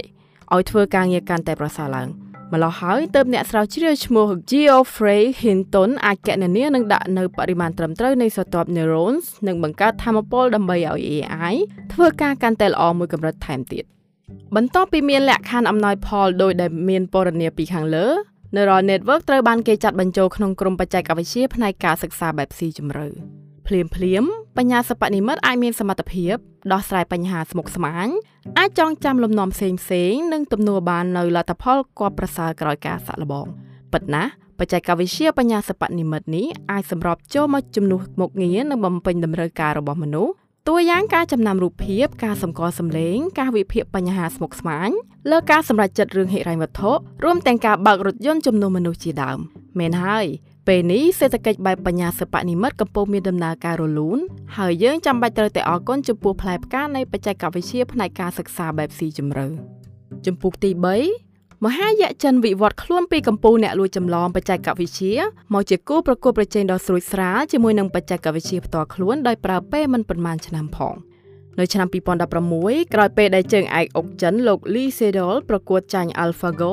ដែលជាម៉ាស៊ីនលេងអុកដំណើរការដោយបញ្ញាសិប្បនិម្មិត ចាញ់3ក្តារជាប់គ្នា រួចមកអ្នកទស្សនាជនជាតិចិនជាង280លាននាក់មានការខកចិត្តក្រោយលោកលីស៊ីដូសុំចោះចាញ់ប្រជាជនចិនមិនបណ្ដោយអាការខកចិត្តនេះបៀមຕົកយូរនោះទេ ពួកគេបានប្រែក្លាយវាមកជាកម្លាំងចិត្តមកជាការភ្ញាក់រលឹកបញ្ញាស្មារតីឡាយយ៉ាងណាឲ្យចាប់យកឱកាសមាសឱកាសប្រាក់ពីបច្ចេកវិទ្យាបញ្ញាសិប្បនិម្មិត ព្រឹត្តិការណ៍ភ្ញាក់ខ្លួនលើកនេះអ្នកនិពន្ធលោកកៃហ្វូលីបានហៅវាថា Sputnik Movement ដែលដើមចំនៃរឿង Sputnik នេះដែលកើតឡើងនាសម័យសង្គ្រាមត្រជាក់ពេលនោះសូវៀតមានមហិច្ឆតាបង្ហោះផ្កាយរណប Sputnik ឲ្យដល់ភពព្រះច័ន្ទមុនសហរដ្ឋអាមេរិក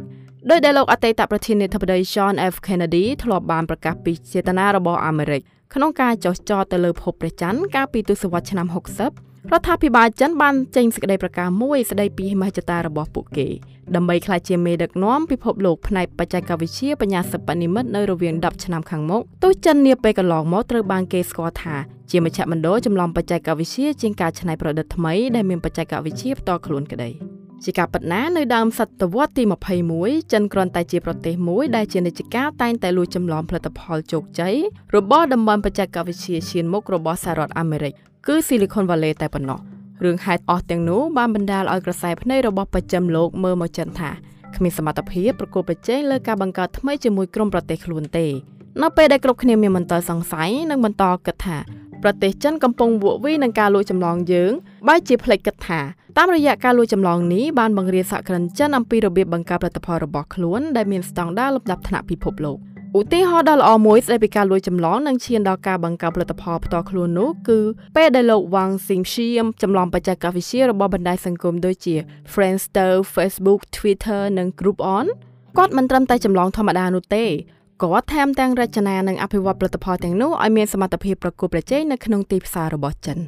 បន្ទាប់ពីនេះលោកវ៉ាងខ្លួនឯងផ្ទាល់បានផ្ដោតការយកចិត្តទុកដាក់ទាំងស្រុងលើសេវាកម្មបញ្ចុះតម្លៃដែលគាត់ទៅបង្កើតឈ្មោះ Meituan ដើម្បីធ្វើយ៉ាងណាឲ្យវាប្រសើរជាងសេវាកម្មរបស់ Groupon គាត់ក៏មិនគិតពីការចំណាយច្រើនពេកដល់អតិថិជន ហើយបានចំណាយលុយសម្រាប់ការឈ្នះរយៈពេលវែងដោយចុះហត្ថលេខាលើកិច្ចព្រមព្រៀងផ្ដាច់មុខជាមួយអ្នកលក់និងបង្កើតប្រព័ន្ធទូទាត់ប្រាក់រហ័សនិងអាចទុកចិត្តបានមិនដូចក្រុមហ៊ុន Group On ទេ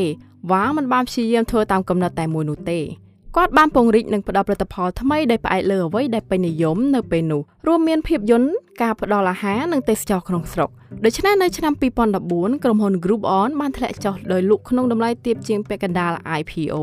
ខណៈពេលដែលក្រុមហ៊ុន Meituan កំពុងខ្លាចជាការចាប់ផ្ដើមដ៏មានតម្លៃបំផុតទី4នៅលើពិភពលោកឥឡូវក្រុមហ៊ុនរបស់លោកវ៉ាងក្រោមឈ្មោះ Meituan Dianping ទទួលការកក់ពីអតិថិជនចំនួន20លាននាក់ក្នុងមួយថ្ងៃមួយថ្ងៃ ធ្វើឲ្យតម្លៃរបស់ក្រុមហ៊ុនកើនឡើងជាង1000លានដុល្លារពលគឺថ្លៃជាងក្រុមហ៊ុនដ៏ល្បីឈ្មោះ Airbnb ទៅទៀត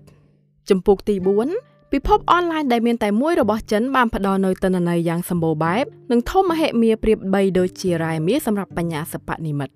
មានចំណុចខុសប្លែកគ្នាយ៉ាងច្រើនរវាង Startup នៅតំបន់បច្ចេកវិទ្យា Silicon Valley និងនៅប្រទេសចិនអ្វីដែលប្លែកគ្នាដាច់នោះគឺ Light Touch និង Heavy Touch ឧទាហរណ៍ពីជំនួយរបៀប Light Touch នៅ Silicon Valley ក្រុមហ៊ុន Uber ពួកគេផ្ដល់តែសេវាកម្មដឹកជញ្ជូនអ្នកដំណើរតែមួយមុខប៉ុន្តែมันបានរាប់បញ្ចូលសេវាកម្មផ្សេងផ្សេងដូចជាបញ្ចូលហ្គាសរថយន្តនិងលំហែតំរថយន្តនោះទេនិយាយរួមគឺគេតកផ្លូវចែកគ្នារស់ដល់អ្នកបម្រើសេវាកម្មតាក់ទងនឹងរថយន្តបានទទួលផលលាភជាមួយគ្នាស្រដៀងនឹងរបៀបរកស៊ីរបស់ក្រុមហ៊ុន Uber ដែរក្រុមហ៊ុន Didi របស់ចិន មានសេវាកម្មដឹកជញ្ជូនប៉ុន្តែខុសត្រង់ថា Didi ប្រើរបៀប Heavy Touch នៅក្នុងជំនួយរបស់ខ្លួន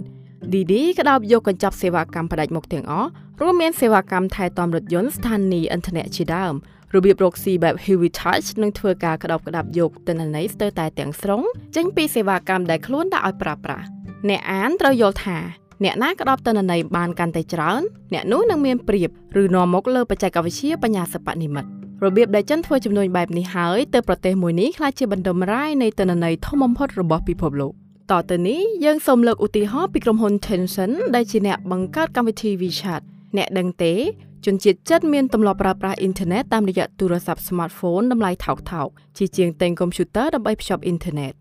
ដោយឃើញពីចំនួនអ្នកប្រើប្រាស់ទូរស័ព្ទ smartphone កាន់តែច្រើនក្រុមហ៊ុន Tencent ក៏បង្កើតកម្មវិធី WeChat ឡើងមកមកទល់នឹងពេលនេះ WeChat ក្លាយជាកម្មវិធីកំពូលអស្ចារ្យដែលអ្នកប្រើប្រាស់អាចប្រើវាបានគ្រប់សពបែបយ៉ាង មានជាអាច ឆាតទៅរកមិត្តភ័ក្តិក៏មកអាហារពីហាង ដោះសោហើយយកកង់សាធារណៈទៅជីទិញអីវ៉ាន់ទិញសម្បត្តិគុណទិញសម្បត្តិយន្តហោះណាត់ជួបគ្រូពេទ្យដើម្បីពិគ្រោះជំងឺរួមទាំងទិញភាគហ៊ុនអ្នកអានប្រកាសជាយល់គឺគ្រប់យ៉ាងដែលយើងចាំបាច់ប្រចាំថ្ងៃមាននៅក្នុងកម្មវិធី WeChat ទាំងអស់ដោយដែលលោកអ្នកបានជាច្បាស់ហើយថាជនជាតិចិនមានទម្លាប់ជូនអាំងប៉ាវនៅថ្ងៃចូលឆ្នាំថ្មី WeChat បានរកឃើញកន្លឹះធ្វើចំនួនចេញពីប្របីនេះនេះក្នុងថ្ងៃចូលឆ្នាំចិន2014 WeChat បានបង្កើតកូនកម្មវិធីមួយឈ្មោះ WeChat Wallet ដែលអាចឲ្យបងប្អូនជនជាតិចិនអាចផ្ញើអាំងប៉ាវតាមរយៈកម្មវិធីថ្មីនេះ វានឹងធ្វើជារូបអាំងប៉ាវពណ៌ក្រហមទៅកាន់អ្នកដែលយើងចង់ផ្ញើព្រមជាមួយនឹងចំនួនសាច់ប្រាក់នៅខាងក្នុង។ក្នុងថ្ងៃដែលដាក់សម្ពោធកម្មវិធីថ្មីនេះមានអ្នកប្រើប្រាស់5លាននាក់ភ្ជាប់គណនីធនាគាររបស់ខ្លួនទៅនឹងកម្មវិធីរបស់ WeChat ដោយមិនគិតសេវាវេលុយហើយអ្នកទាំងនោះបានផ្ញើអាំងប៉ាវចំនួន16លានចេញទៅបន្ទាប់ពីដាក់ឲ្យប្រើប្រាស់ WeChat Wallet ប្រទេសចិនបានក្លាយជា cash free society មិនតែប៉ុណ្ណោះក្រុមហ៊ុនដែលជាអ្នកបង្កើត WeChat បានក្តោបក្តាប់ទិន្នន័យយ៉ាងមហាសាលរបស់អ្នកប្រើប្រាស់ពិសេសអេរីយ៉ាបតឬរបៀបប្រើប្រាស់លុយរបស់ពួកគេដូចជាពួកគេយកលុយទៅទិញអ្វីខ្លះទៅដើរលេងនៅកន្លែងណាជាដើមនៅដើមឆ្នាំ2018អ្នកប្រើប្រាស់ទូរស័ព្ទដៃនឹងចេះពីវិធីទូទាត់សាច់ប្រាក់ក្នុងប្រទេសចិនមានចំនួនរហូតដល់65%ចំពុកទី5 ចិនត្រៀមខ្លួនខ្លះជាមហាអំណាចនៅពេលនិយាយដល់អ៊ីនធឺណិតបែបបញ្ញាសិប្បនិម្មិតប៉ុន្តែធុរកិច្ចបែបបញ្ញាសិប្បនិម្មិតនេះមិនទាន់ទៅរួចទេការមកដល់នៃរលកធំធំរបស់បច្ចេកវិទ្យាបញ្ញាសិប្បនិម្មិតមានទាំងអស់ចំនួន4រលកទី1ដែលមកដល់ដំបូងគេឈ្មោះថាអ៊ីនធឺណិតបែបបញ្ញាសិប្បនិម្មិតយើងអាចសង្កេតឃើញថាក្នុងជីវិតប្រចាំថ្ងៃដែលយើងពេលខ្លះមិនដែលចាប់អារម្មណ៍ពីវត្តមានរបស់រលកទី1នេះតតែសោះឧទាហរណ៍ដែលងាយស្រួលយកបំផុតគឺ អ្នកស្ដាប់ប្រកាសជាធ្លាប់ស្ដាប់ចម្រៀងឬមើលវីដេអូផ្សេងផ្សេងលើបណ្ដាញសង្គមមួយនេះចាក់ជាមិនខានធ្លាប់ឆ្ងល់ដែរទេពេលដែលស្ដាប់បទចម្រៀងមួយបទចប់ស្រាប់តែមានបទបន្ទាប់ណែនាំឲ្យយើងបើកស្ដាប់ដែលបទខ្លះអាចជាបទយើងចូលស្ដាប់ច្រើនដងឬបទថ្មីដែលមានសាច់ភ្លេងប្រហាក់ប្រហែលនឹងបទទៅតែស្ដាប់អំបញ្ញមិញ YouTube ធ្វើដូចនេះបានព្រោះតែមាន algorithm របស់បញ្ញាសិប្បនិម្មិត AI algorithm លោក Kai Fuli បានមើលឃើញថាទាំងសហរដ្ឋអាមេរិកនិងចិនសុទ្ធទទួលចំណែក50-50នៃការមកដល់របស់រលកទី1តែ5ឆ្នាំខាងមុខសមាមាត្រនេះអាចបដូរទៅជា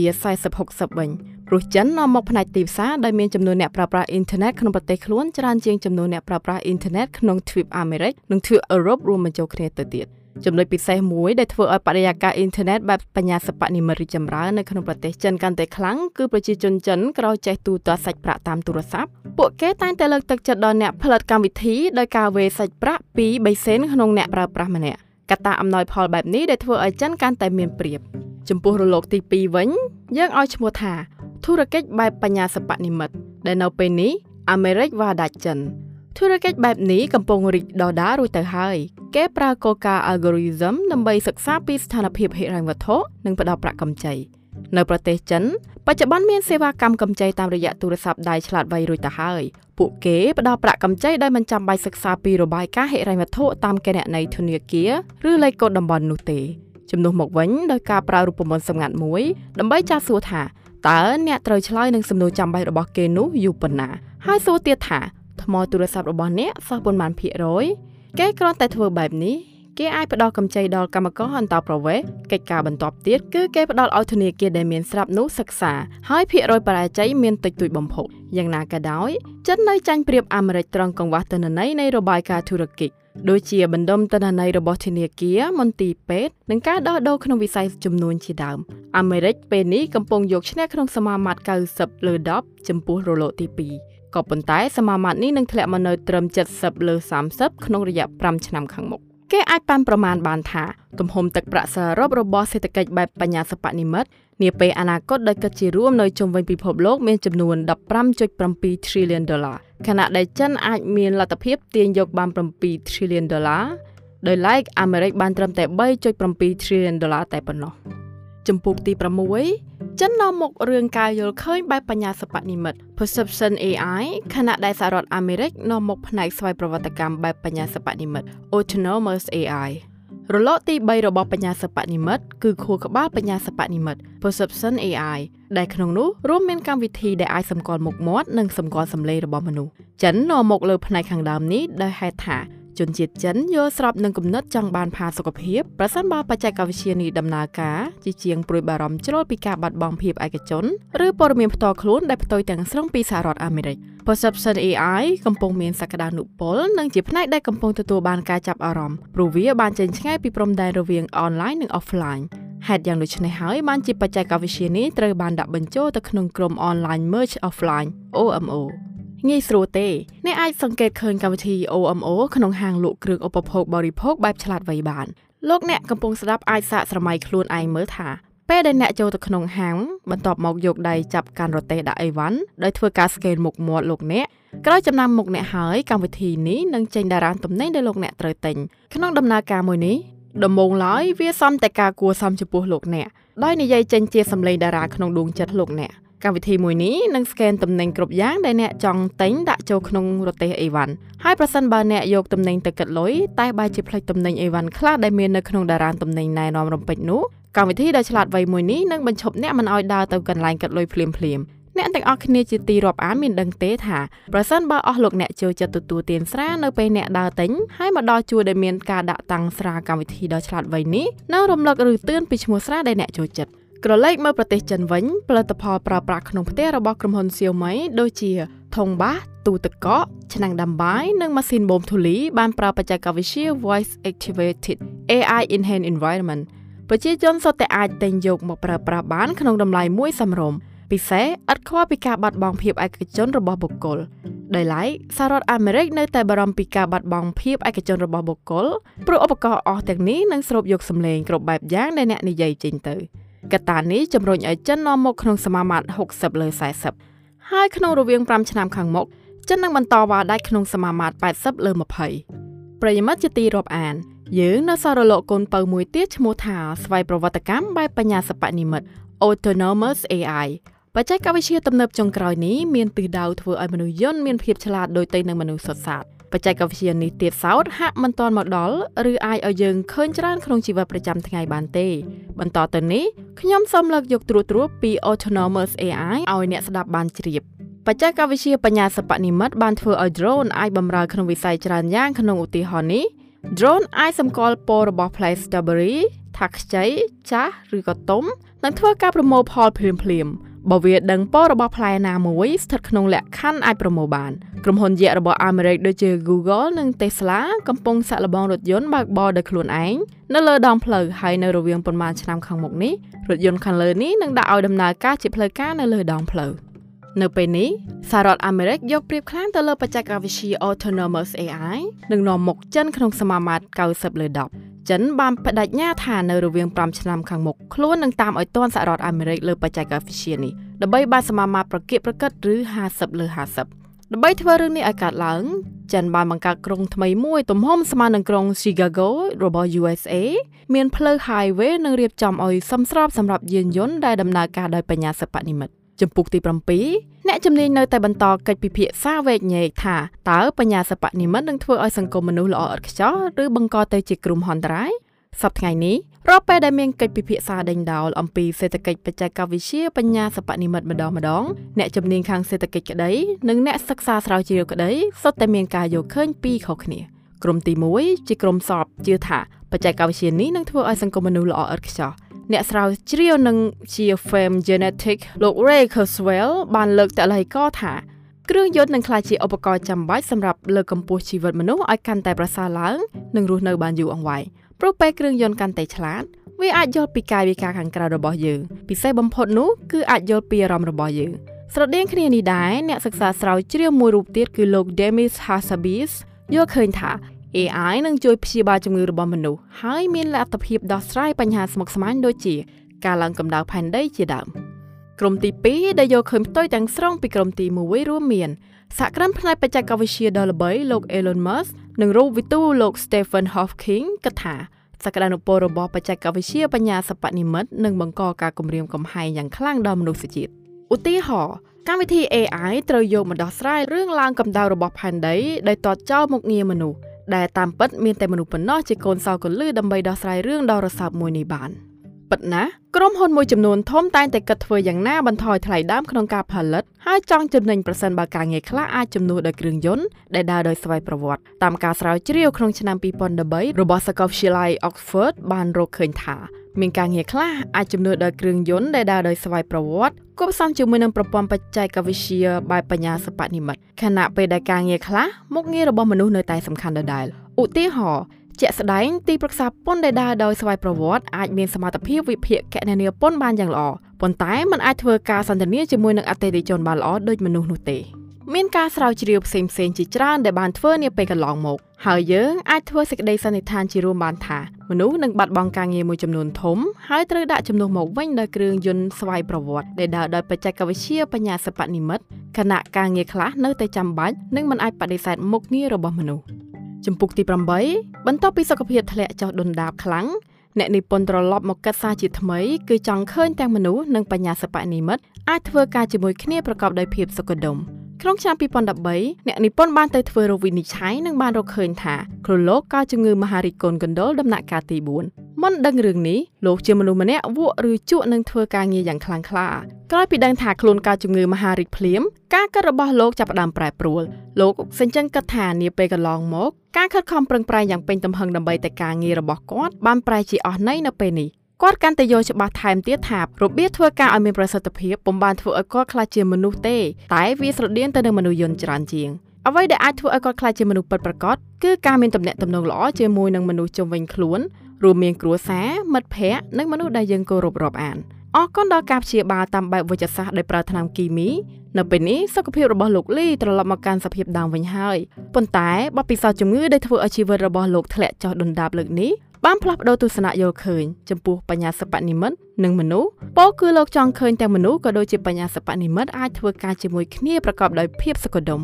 វត្តមានរបស់បច្ចេកវិទ្យាបញ្ញាសិប្បនិម្មិតអាចជួយឲ្យមនុស្សផ្ដោតលើទស្សនវិជ្ជានៃជីវិតបានកាន់តែច្រើនជាងមុននិងមនុស្សមានទំនាក់ទំនងកាន់តែល្អជាងមុនមានពេលគិតធ្វើយ៉ាងណាឲ្យសហគមន៍ក៏ដូចជាពិភពលោកកាន់តែគួរឲ្យចង់រស់នៅពិសេសយើងមិនចាំបាច់ទៅធ្វើការងារណាដែលមើលទៅដូចការងារមនុស្សយន្តលើកចុះលើកឡើងច្រំដែច្រំដែលដែលមើលទៅគួរឲ្យធុញការងាររបៀបនេះຕົកឲ្យបច្ចេកវិទ្យាបញ្ញាសិប្បនិម្មិតគេធ្វើចោះយ៉ាងណាក៏ដោយ យើងចាំបាច់កំណត់ឡើងវិញឲ្យបានច្បាស់ពីការឲ្យតម្លៃទៅលើការងារជាក់លាក់ណាមួយបច្ចុប្បន្ននេះមានការងារខ្លះដែលជាមុខព្រួយរកលុយមានគេឲ្យតម្លៃហើយទទួលកម្រៃពីការងារក្រែដែរអាចនឹងប្រឈមមុខនឹងការបាត់បង់ហើយត្រូវជំនួសមកវិញដោយបច្ចេកវិទ្យាបញ្ញាសិប្បនិម្មិតខណៈដែលការងារខ្លះទៀតដែលមិនអាចជំនួសដោយបច្ចេកវិទ្យាខាងលើ មានជាអាចអាជីពអ្នកមើលថែនិងជំនួយការផ្ទាល់ខ្លួនបើជាទទួលបានកម្រៃតិចតួចនិងមនុស្សមិនសូវឲ្យតម្លៃប្រកបណាស់ គឺជាវិស័យរីកដុះដាលមួយនៅសហរដ្ឋអាមេរិកដែលមានចំនួនការសុខភាពតាមផ្ទះនិងការងារថែទាំផ្ទាល់ខ្លួនចំនួន1.2លាននាក់ដែលត្រូវបន្ថែមក្នុងរយៈពេល10ឆ្នាំខាងមុខទោះយ៉ាងណាក៏ដោយការងារទាំងនេះមានប្រាក់ខែជាមធ្យមប្រហែល20,000ដុល្លារប្រសិនបើយើងអាចដំឡើងប្រាក់ខែនោះខណៈពេលដែល AI បង្កើតប្រាក់ចំណេញក្នុងវិស័យសាជីវកម្មយើងអាចបន្ធូរបន្ថយបញ្ហាការផ្លាស់ទីលំនៅនិងការយកចិត្តទុកដាក់ខ្ពស់សម្រាប់សហគមន៍របស់យើង មានកំណត់ជាច្រើនសម្រាប់វិធីដោះស្រាយជាមួយកម្មករដែលត្រូវបានគេផ្លាស់ទីលំនៅដូចជាការយកពន្ធអ្នកមានបំផុតដើម្បីចេញនៅប្រាក់ចំណូលជាសកលដែលអាចនឹងឃើញថាមនុស្សគ្រប់រូបទទួលបានប្រាក់គ្រប់គ្រាន់ដើម្បីទទួលបានហើយខណៈដែលតម្រង់ខ្លះនៃប្រាក់ចំណូលមូលដ្ឋានប្រហែលជាចាំបាច់ការពឹងផ្អែកទៅលើដំណោះស្រាយនេះគឺជាការអាម៉ាស់មួយការធ្វើដូច្នេះនឹងជាផុតពីឱកាសដើម្បីអនុវត្តការផ្លាស់ប្ដូរសង្គមពិតប្រាកដដែលអាចផ្ដល់ផលប្រយោជន៍ដល់ពិភពលោកទាំងមូលដោយបង្កើតទីផ្សារការងារដែលផ្ដោតលើមនុស្សមិនមែនជំរុញដោយប្រាក់ចំណេញ។ ជំនួសឲ្យការផ្ដោតអារម្មណ៍ទាំងស្រុងលើលុយប្រហែលជាយើងគួរតែរៀនគិតដោយប្រទេសប៊ូតានដែលយល់ថាសុភមង្គលទូទាំងប្រជាជាតិជាសញ្ញាពិតនៃវឌ្ឍនភាពសេចក្តីសង្ខេបសារកលឹះសំខាន់សំខាន់ក្នុងសៀវភៅមហាអំណាច AI ប្រទេសចិនបានត្រៀមខ្លួនដើម្បីក្លាយជាមហាអំណាច AI នៅក្នុងសេដ្ឋកិច្ច AI ដែលត្រូវបានគេរំពឹងថានឹងមានទឹកប្រាក់ប្រមាណ15.7 trillion ដុល្លារនៅទូទាំងពិភពលោក។ សូមថ្លែងអំណរគុណចំពោះរដ្ឋាភិបាលដែលជួយជំរុញអាជីវកម្មបច្ចេកវិទ្យាថ្មីឆ្ពោះទឹកមុខការយកចិត្តទុកដាក់ពង្រឹងបណ្ដុំសហគ្រាសផលិតពិសេសប្រមូលបានទិន្នន័យយ៉ាងមហាសាលពីគ្រប់អ្នកប្រើប្រាស់កត្តាអស់ទាំងនេះធ្វើឲ្យចិនយកប្រៀបក្នុងការអភិវឌ្ឍផលិតផលនិងកម្មវិធីផ្សេងៗដែលដំណើរការដោយ AI ខណៈពេលដែលអ្នកខ្លះបារម្ភថាសេដ្ឋកិច្ច AI នឹងធ្វើឲ្យបាត់បង់ការងារអ្នកនិពន្ធយល់ថាប្រសិនបើយើងបដូរគុណតម្លៃរបស់យើងឆ្ពោះទៅរកការផ្ដល់ការងារដល់មនុស្សដូចជាការងារថែទាំនិងការងារសហគមន៍ យើងនឹងធ្វើឲ្យសង្គមរស់នៅកាន់តែប្រសើរនិងជួយធ្វើឲ្យពិភពលោកក្លាយជាកន្លែងដែលគួរឲ្យចង់រស់នៅ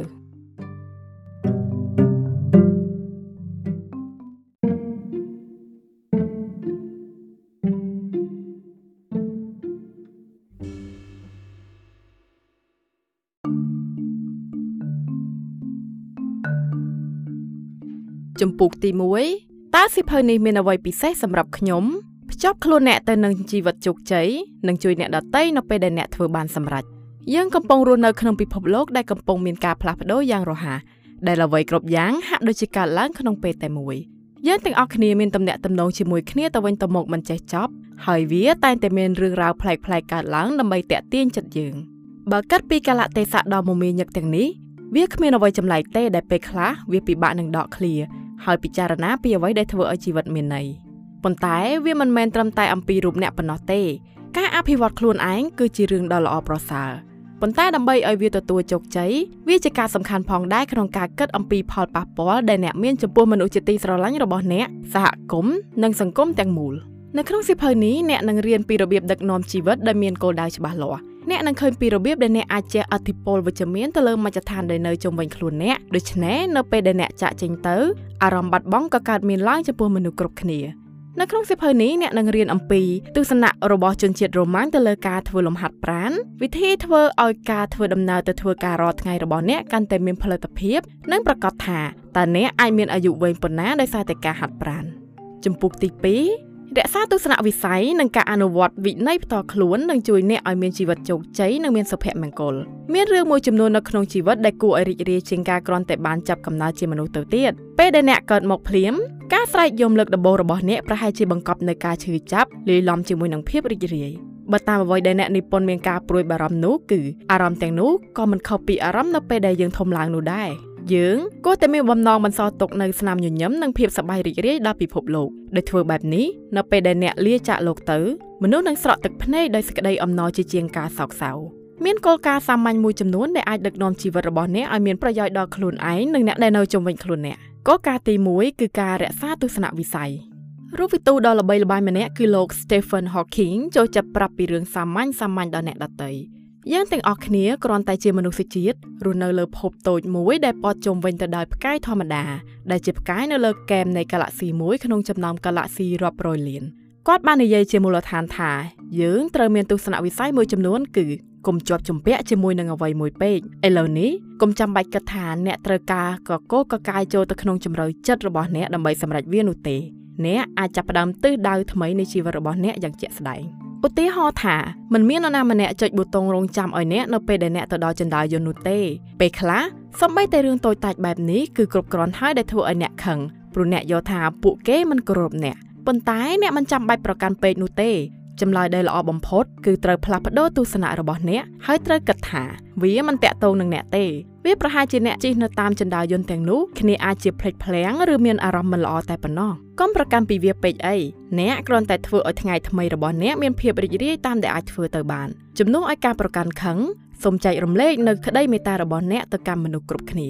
គោលការណ៍បន្ទាប់ដែលអ្នកត្រូវធ្វើតាមនោះគឺវិន័យផ្ទាល់ខ្លួន ប្រសិនបើអ្នកធ្វើបាននោះវានឹងជួយអ្នកក្នុងការសម្រេចបាននូវជីវិតរីករាយនិងជោគជ័យអ្នកនឹងឃើញថាប្រសិនបើអ្នកមានវិន័យនោះជីវិតរបស់អ្នកកាន់តែមានភាពងាយស្រួលគឺមានហេតុផលល្អសម្រាប់រឿងនេះជីវិតគឺមានន័យថាជាការតស៊ូជាមួយនឹងការលំបាកមិនថាវាមើលទៅលំបាកយ៉ាងណាក៏ដោយស្រមៃមើលថាតើនឹងមានអ្វីកើតឡើងប្រសិនបើអ្នកកាត់កាលមិត្តរបស់អ្នកភ្លាមភ្លាមនៅពេលដែលអ្នកឆ្លោះគ្នា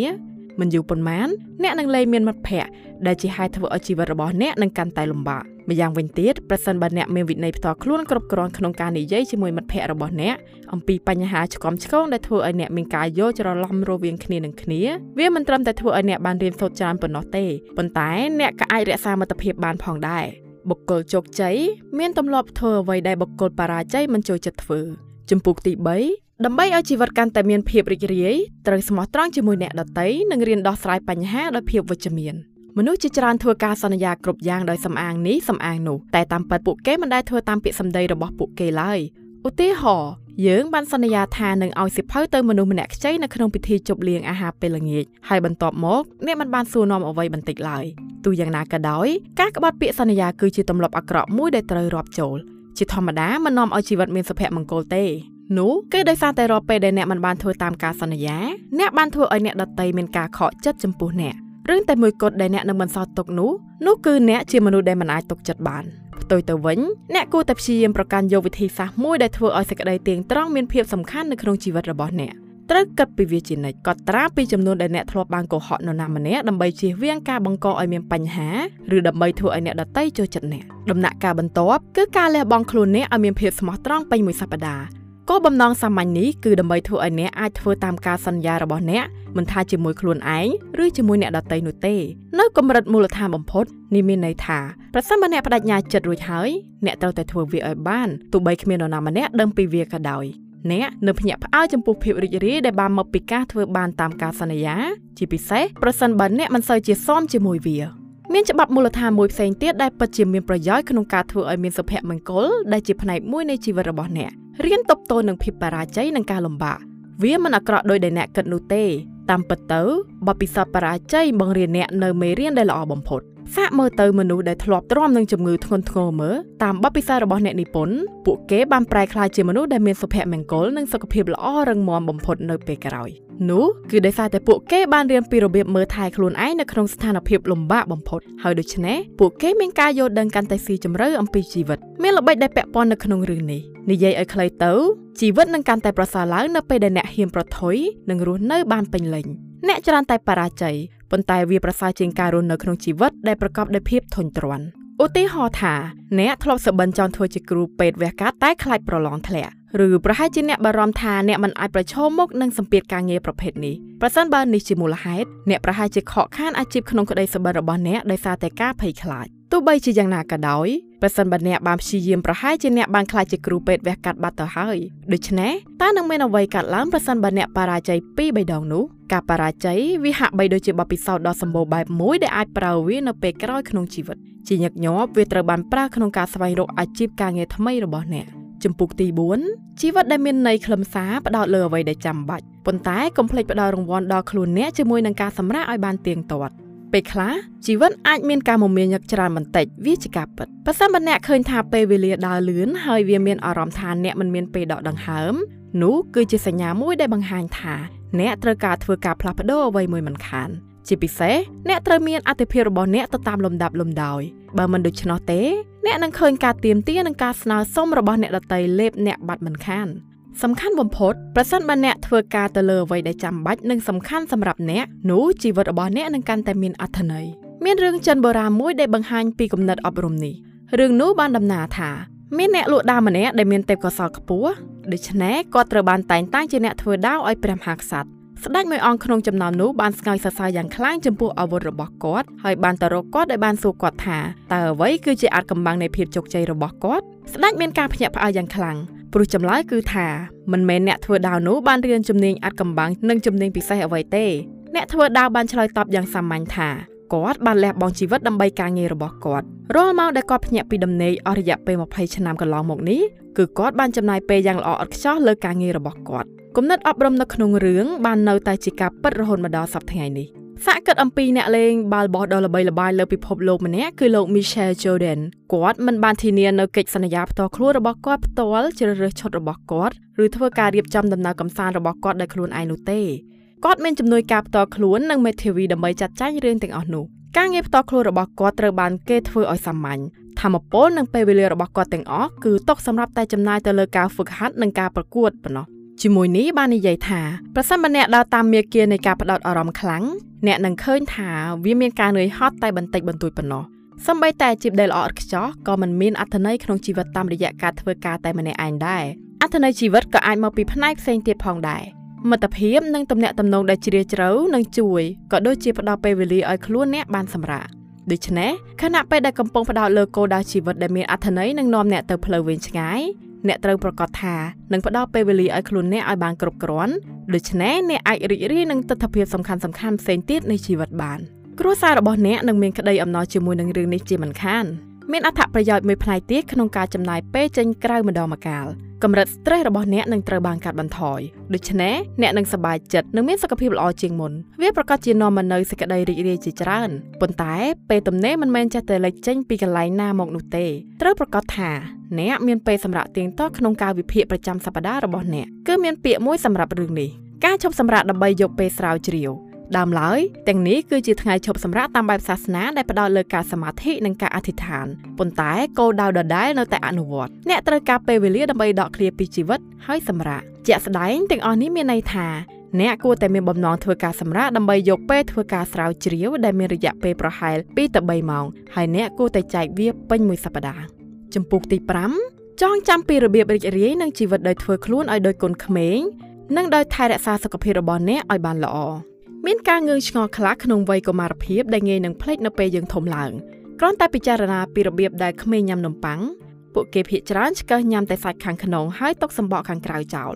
ក្នុងនាមជាឪពុកម្ដាយអ្នកប្រកាសជាមានអារម្មណ៍ធុញទ្រាន់ប៉ុន្តែនៅមានអ្វីជាច្រើនទៀតដែលខុសពីការណែនាំរបស់ផ្នែកវិទ្យាសាស្ត្ររបស់កុមារចំពោះអ្វីដែលផ្ដល់ឲ្យពួកគេនៅសេចក្តីរីករាយបំផុតយើងជាមនុស្សពេញវ័យពេលខ្លះគួរតែរៀនធ្វើខ្លួនឲ្យដូចកូនក្មេងដើម្បីរៀនសប្បាយនឹងជីវិតម្ដងទៀត គិតពីធម្មពលទាំងអស់ដែលខ្ជះខ្ជាយធ្វើអ្វីៗដែលយើងស្អប់មិនថាវាជាការបងវិក័យប័ត្ររៀបចំទូដាក់ចានកែ CV សុំការងារបំពេញឯកសារពន្ធឬការគ្រាន់តែពួរបារម្ភរឿងទាំងនេះបានធ្វើឲ្យជីវិតរបស់អ្នកបាត់បង់ភាពសប្បាយរីករាយមិនចាំបាច់និយាយច្រើនទេចំពោះរឿងមួយចំនួនដែលត្រូវតែធ្វើនោះប៉ុន្តែវាមានន័យថាអ្នកគួរតែចំណាយពេលវេលាលើសពីចំនួនអបបរមាដែលតិចបំផុតនៃការយកចិត្តទុកដាក់នៅក្នុងនោះទេ យុទ្ធសាស្ត្រដ៏ល្អមួយសម្រាប់ផ្លាស់ប្ដូរការផ្ដោតអារម្មណ៍របស់អ្នកចេញពីការវង្វេងស្មារតីនៃកិច្ចការប្រចាំថ្ងៃ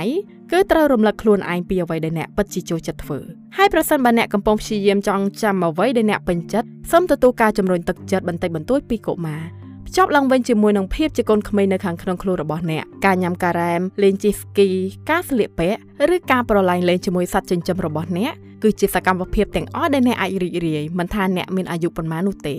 មានចំណុចសំខាន់មួយទៀតដែលអ្នកត្រូវយកចិត្តទុកដាក់នៅពេលដែលចង់រីករាយនឹងជីវិតរបស់អ្នកគឺត្រូវថែរក្សារាងកាយឲ្យបានល្អនៅក្នុងទីក្រុងរ៉ូមបុរាណមនុស្សបានដឹងយ៉ាងច្បាស់ថាចិត្តដែលមានសុខភាពល្អលុះត្រាតែរាងកាយមានសុខភាពល្អផងដែរវានៅតែជាការពិតរហូតដល់សប្តាហ៍ថ្ងៃនេះជាពិសេសប្រសិនបើអ្នកចង់រីករាយនឹងជីវិតសំខាន់បំផុតប្រសិនបើរាងកាយរបស់អ្នកមានសុខភាពល្អអ្នកទំនងជានឹងរស់នៅបានយូរការសិក្សាមួយរបស់សាកលវិទ្យាល័យ Harvard បានបង្ហាញយ៉ាងដូចនេះ ដែលមើលទៅលើជីវិតរបស់និស្សិត18000នាក់ដែលបានបញ្ចប់ការសិក្សាដោយយកចិត្តទុកដាក់ជាពិសេសទៅលើការធ្វើលំហាត់ប្រាណដែលមាននៅក្នុងជីវិតរបស់ពួកគេការស្រាវជ្រាវបានសរុបថារាល់ម៉ោងនៃការធ្វើលំហាត់ប្រាណដែលមនុស្សបានធ្វើបានបន្ថែមជាមធ្យម3ម៉ោងទៅនឹងអាយុកាលរបស់គេអ្នកក៏គួរប្រើការធ្វើលំហាត់ប្រាណដើម្បីថែរក្សារាងកាយរបស់អ្នកផងដែរវាមិនចាំបាច់ខ្លាំងពេកទេសំបីគ្រាន់តែទម្លាប់ហាត់ប្រាណធម្មតាធម្មតានៅលើម៉ាស៊ីនហាត់ប្រាណក៏អាចធ្វើឲ្យអ្នកមានសុខភាពល្អបានដែរចំពុកទី6 សូមចងចាំថាជីវិតគឺជាដំណើរផ្សងព្រេងមួយ ការបដោតតែទៅលើគោលដៅ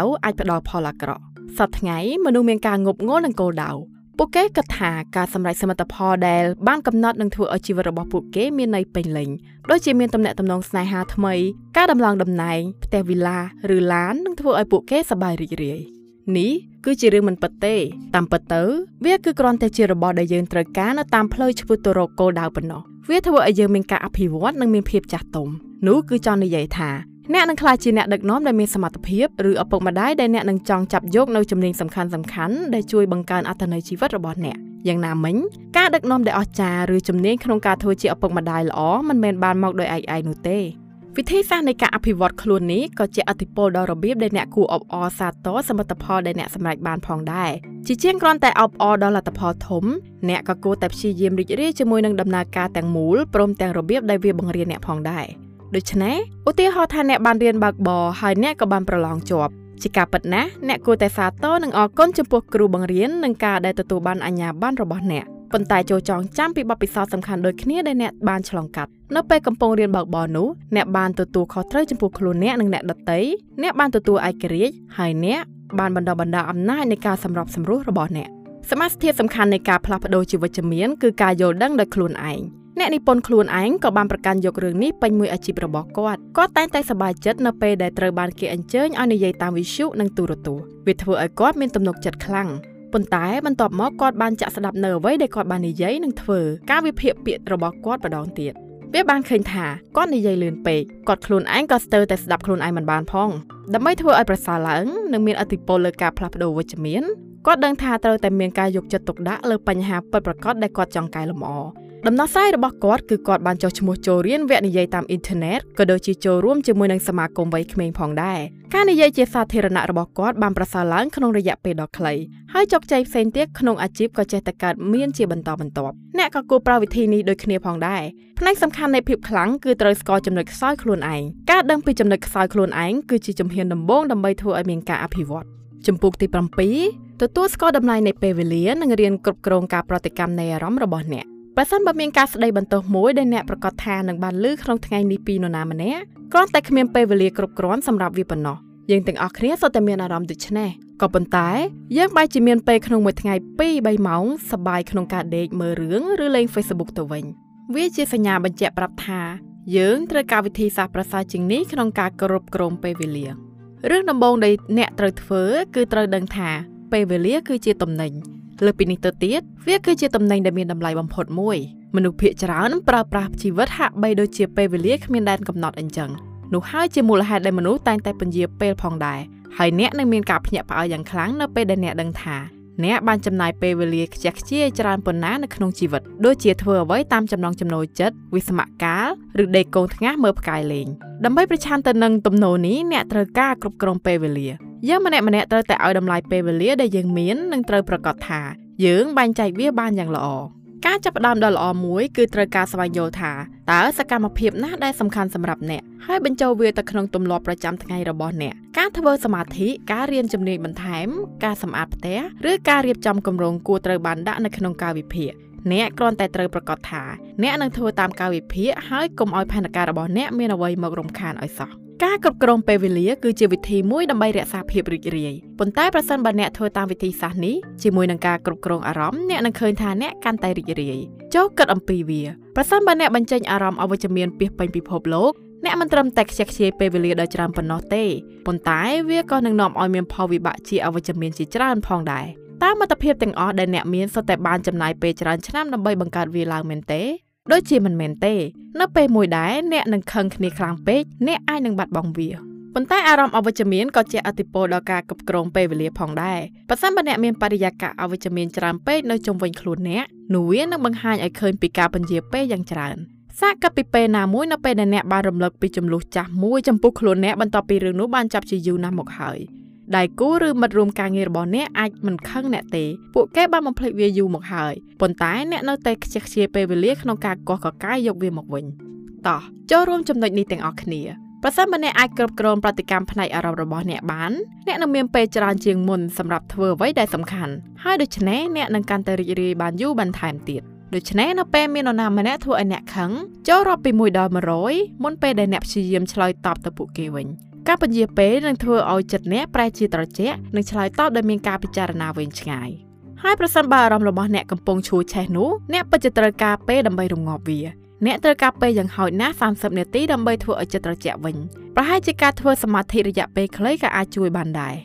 ជំពូកទី8ភ្ជាប់ខ្លួនជាមួយធម្មជាតិនិងទាញប្រយោជន៍ពីការធ្វើដំណើរទៅមកពីកន្លែងធ្វើការរបស់អ្នកនិងធានាបាននូវសុភមង្គលនិងភាពជោគជ័យប្រសិនបើអ្នករស់នៅក្នុងទីក្រុងឬទីប្រជុំជនអ្នកនឹងបានយល់ពីអារម្មណ៍ថាអ្វីអ្វីហាក់បីដូចជាកើតឡើងក្នុងពេលតែមួយអញ្ចឹងនោះមកពីវាអ៊ូអរពេកប៉ុន្តែរឿងវាធ្លាប់ខុសពីនេះ គិតមើលថាតើព័ត៌មានច្រើនប៉ុណ្ណានៅក្នុងកាសែត New York Times មួយច្បាប់មួយច្បាប់បើសិនបើអ្នករស់នៅក្នុងសតវត្សទី17នៅក្នុងប្រទេសអង់គ្លេសវានឹងចំណាយពេលពេញមួយជីវិតដើម្បីអានព័ត៌មានដ៏ច្រើនសន្ធឹកសន្ធាប់បែបនេះបើនិយាយទាំងអស់វាជាការសំខាន់ដែលអ្នកត្រូវឆ្លៀតពេលសម្រាប់ខួរក្បាលមួយសន្ទុះម្ដងមធ្យោបាយដ៏ល្អដើម្បីសម្រាប់លំហែកាយនិងបង្កើនសុភមង្គលគឺត្រូវចំណាយពេលជាមួយធម្មជាតិអ្នកនិពន្ធសៀវភៅនេះគឺជាអ្នកគ្រប់គ្រងដ៏សកម្មម្នាក់នៅក្នុងរឿងនេះ ជាញឹកញាប់បន្ទាប់ពីមួយសប្តាហ៍ដែលមមាញឹកទៅដោយការផ្ដល់សន្ទរកថាការចុះហត្ថលេខាលើសៀវភៅនិងការបង្ហាញខ្លួនតាមកញ្ចក់ទូរទស្សន៍គាត់នឹងធ្វើដំណើរកម្សាន្តឧទ្យានដ៏ស្រស់ស្អាតឬព្រៃឈើគឺជាកន្លែងអំណោយផលសម្រាប់ធ្វើឲ្យចិត្តស្ងប់សំឡេងខ្យល់បក់ស្លឹកឈើគឺគ្រប់គ្រាន់ហើយដើម្បីនាំគាត់ទៅរកការធ្វើសមាធិប្រសិនបើអ្នកអាចចូលទៅរកកន្លែងដែលអាចសម្រាប់ខួរក្បាលបានបែបនេះអ្នកនឹងឃើញអតិភិបនាពេលបច្ចុប្បន្នកាន់តែច្បាស់លាស់ការ stress នឹងការងារការប្រញាប់ប្រញាល់ដែលមិនសូវមានន័យនឹងរលាយបាត់អស់ជាមិនខាន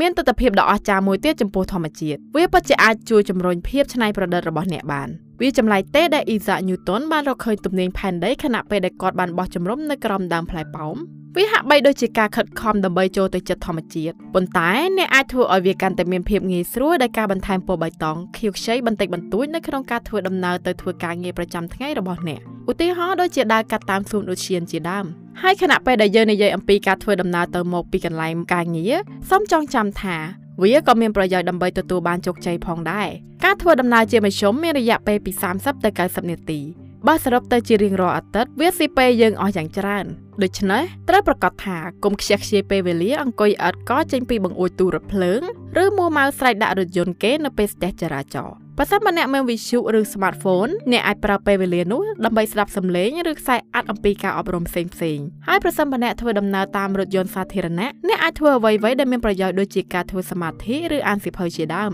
ប្រសិនបើអ្នកប្រើការធ្វើដំណើររបស់អ្នកដើម្បីអភិវឌ្ឍខ្លួនឯងនោះអ្នកនឹងទទួលបានអត្ថប្រយោជន៍ភ្លាមភ្លាមវាពិតជាគ្មានហេតុផលអ្វីដែលត្រូវចំណាយពេលរាប់ម៉ោងអប្រយោជន៍នឹងដេកស្រមាស់ស្រមៃនោះទេ ចំពុកទី9ជាជាងការត្អូញត្អែចូលផ្ដោតលើអ្វីដែលអ្នកអាចផ្ដល់ឲ្យពិភពលោកយើងទាំងអស់គ្នាស្រឡាញ់វានៅពេលដែលយើងអាចរំភើបចិត្តអំពីវាប៉ុន្តែពេលខ្លះវាអាចនៅឆ្ងាយពេកអ្នកដឹងពីប្រភេទមនុស្សដែលតែងតែស្រែកត្អូញត្អែពួកគេនឹងមិនមានពេលគ្រប់គ្រាន់ដើម្បីធ្វើការរៀនភាសាឬជំនាញថ្មីអ្វីនោះទេ ប៉ុន្តែការត្អូញត្អែបែបនេះมันមានអ្វីតាក់ទងខ្លាំងនៅពិភពលោកទេវាគ្រាន់តែជាលទ្ធផលនៃផ្នត់គំនិតអវិជ្ជមានប៉ុណ្ណោះបើសិនបើនោះជាអ្នកនោះអ្នកនឹងរីករាយដែលដឹងថាដែលគ្រាន់តែធ្វើឲ្យខ្លួនសកម្មជាងមុនបន្តិចអ្នកអាចចេញផុតពីរឿងនោះបានដូច្នេះប្រសិនបើអ្នកតែងតែមានអារម្មណ៍ថាខ្វះ1ម៉ោងក្នុងមួយថ្ងៃអ្នកគួរតែក្រោកឲ្យបានពីព្រលឹមគោលការណ៍ដូចគ្នានេះត្រូវបានអនុវត្តប្រសិនបើអ្នកមានអារម្មណ៍ថាអ្នកមានបញ្ហាសេដ្ឋកិច្ចឬបរិស្ថានត្រូវបានបំពុលការដែលគ្រាន់តែអង្គុយនិយាយអំពីបញ្ហាបំពុលនោះនឹងមិននាំឲ្យអ្នកទៅណានោះទេប៉ុន្តែការកែច្នៃកាកសំណល់និងការកាត់បន្ថយការប្រើប្រាស់កាបូនវានឹងអាចជួយបានខ្លះ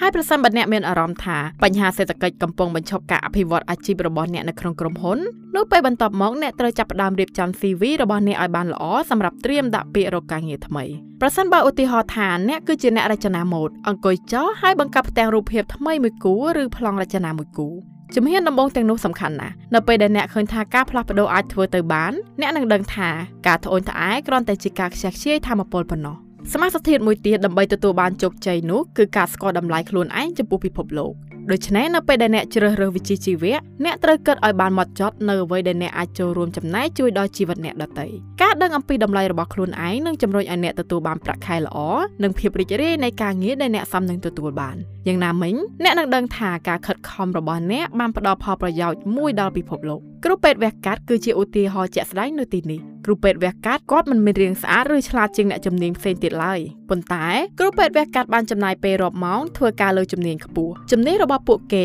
អនុញ្ញាតឲ្យពួកគេធ្វើវិភាគទានដែលមានសារៈសំខាន់និងក្រារំលឹកនៃជីវិតវាបានបញ្យល់ពីមូលហេតុដែលគ្រូពេទ្យវះកាត់ត្រូវបានសង្គមឲ្យតម្លៃ វាមិនដែលយឺតពេកទេក្នុងការចាប់ផ្ដើមអ្នកក៏អាចចាប់ផ្ដើមរៀនជំនាញកម្រកម្រដែលមិនមានអ្នកណានៅក្នុងសហគមន៍របស់អ្នកចេះនិងជាតម្រូវការរបស់សហគមន៍ចាប់ផ្ដើមអានសៀវភៅសិក្សានិងរៀបចំខ្លួនអ្នកដើម្បីគិតពីគំនិតថ្មីថ្មីឥឡូវនេះយើងត្រឡប់ទៅកន្លែងដែលសិភៅនេះបានចាប់ផ្ដើមវិញមនុស្សប្រកាសជាយំនៅពេលដែលអ្នកស្លាប់ប៉ះសិនបើអ្នកបានរស់នៅក្នុងជីវិតអ្នកបានយ៉ាងល្អបំផុតចំនួននេះមិនមែនជាអ្វីដែលអរូបីនោះទេ វានឹងផុសឡើងតាមធម្មជាតិប្រសិនបើអ្នកឲ្យតម្លៃពេលវេលារបស់អ្នកផ្ដោតលើគោលដៅជីវិតរបស់អ្នកបង្កើតឲ្យមានភាពសប្បាយរីករាយនិងញញឹមដាក់រាល់ព្រឹត្តិការណ៍ដែលកើតឡើងនៅក្នុងជីវិតសេចក្តីសង្ខេបចុងក្រោយសារសំខាន់នៅក្នុងសៀវភៅនេះសួរខ្លួនឯងថាតើអ្នកណានឹងយំនៅពេលអ្នកស្លាប់បើសិនបើអ្នកមានអារម្មណ៍ថាមានមនុស្សត្រឹមតែប៉ុន្មានអ្នកនឹងនឹកអ្នក វាប្រហែលជាដល់ពេលដែលអ្នកត្រូវធ្វើការផ្លាស់ប្ដូរហើយដើម្បីធ្វើឲ្យអស់ពីសមត្ថភាពនិងដើម្បីធ្វើឲ្យជីវិតរបស់មនុស្សដទៃទៀតមានភាពប្រសើរឡើងវិញអ្នកត្រូវប្រឹងប្រែងបន្តិចប៉ុន្តែវាត្រូវសមនឹងតម្លៃអ្នកគួរតែមានគោលបំណងស្វែងរកភាពបរិបូរផ្ទាល់ខ្លួនរបស់អ្នកហើយរស់នៅក្នុងជីវិតរបស់អ្នកឲ្យមានតម្លៃពេញលេញអ្នកអាចធ្វើការផ្លាស់ប្ដូរយ៉ាងសកម្មដោយប្រើពេលវេលារបស់អ្នកប្រកបដោយផលិតភាពនិងដឹងអំពីអ្វីដែលសំខាន់បំផុតសម្រាប់អ្នកភាពជាអ្នកដែលល្អបំផុតគឺនៅពេលបាត់អ្នកគឺមានអ្នកនឹកដំបូន្មានដែលអាចអនុវត្តបានភ្លាមភ្លាមសាកល្បងធ្វើកំណត់ហេតុការរក្សាទុកសិភៅកំណត់ហេតុគឺជាវិធីល្អបំផុតមួយដើម្បីជួយអ្នកក្នុងការធ្វើដំណើរឆ្ពោះទៅរកការរីកចម្រើនកត់ចំណាំនៅអ្វីដែលកើតឡើងជារៀងរាល់ថ្ងៃហើយរកពេលពិចារណាលើរឿងទាំងអស់នោះឡើងវិញតើអ្នកអាចធ្វើរឿងដែលមិនទាន់បានល្អឥតខ្ចោះឲ្យបានប្រសើរឡើងដោយរបៀបណានៅពេលអ្នកធ្វើតាមវិធីនេះអ្នកនឹងកាន់តែដឹងច្បាស់អំពីចំណុចខ្លាំងនិងចំណុចខ្សោយរបស់ខ្លួនឯងការយល់ដឹងនេះគឺជាបរិយាលក្ខខណ្ឌសម្រាប់ការផ្លាស់ប្ដូរនិងការអភិវឌ្ឍខ្លួន នៅពេលដែលអ្នកដឹងពីអ្វីដែលអ្នកអាចកែលម្អបាននោះគឺជាពេលដែលអ្នកអាចធ្វើការលើយុទ្ធសាស្ត្រវិជ្ជមានមួយចំនួនដើម្បីជួយអ្នកឆ្ពោះទៅរកគោលដៅនោះ។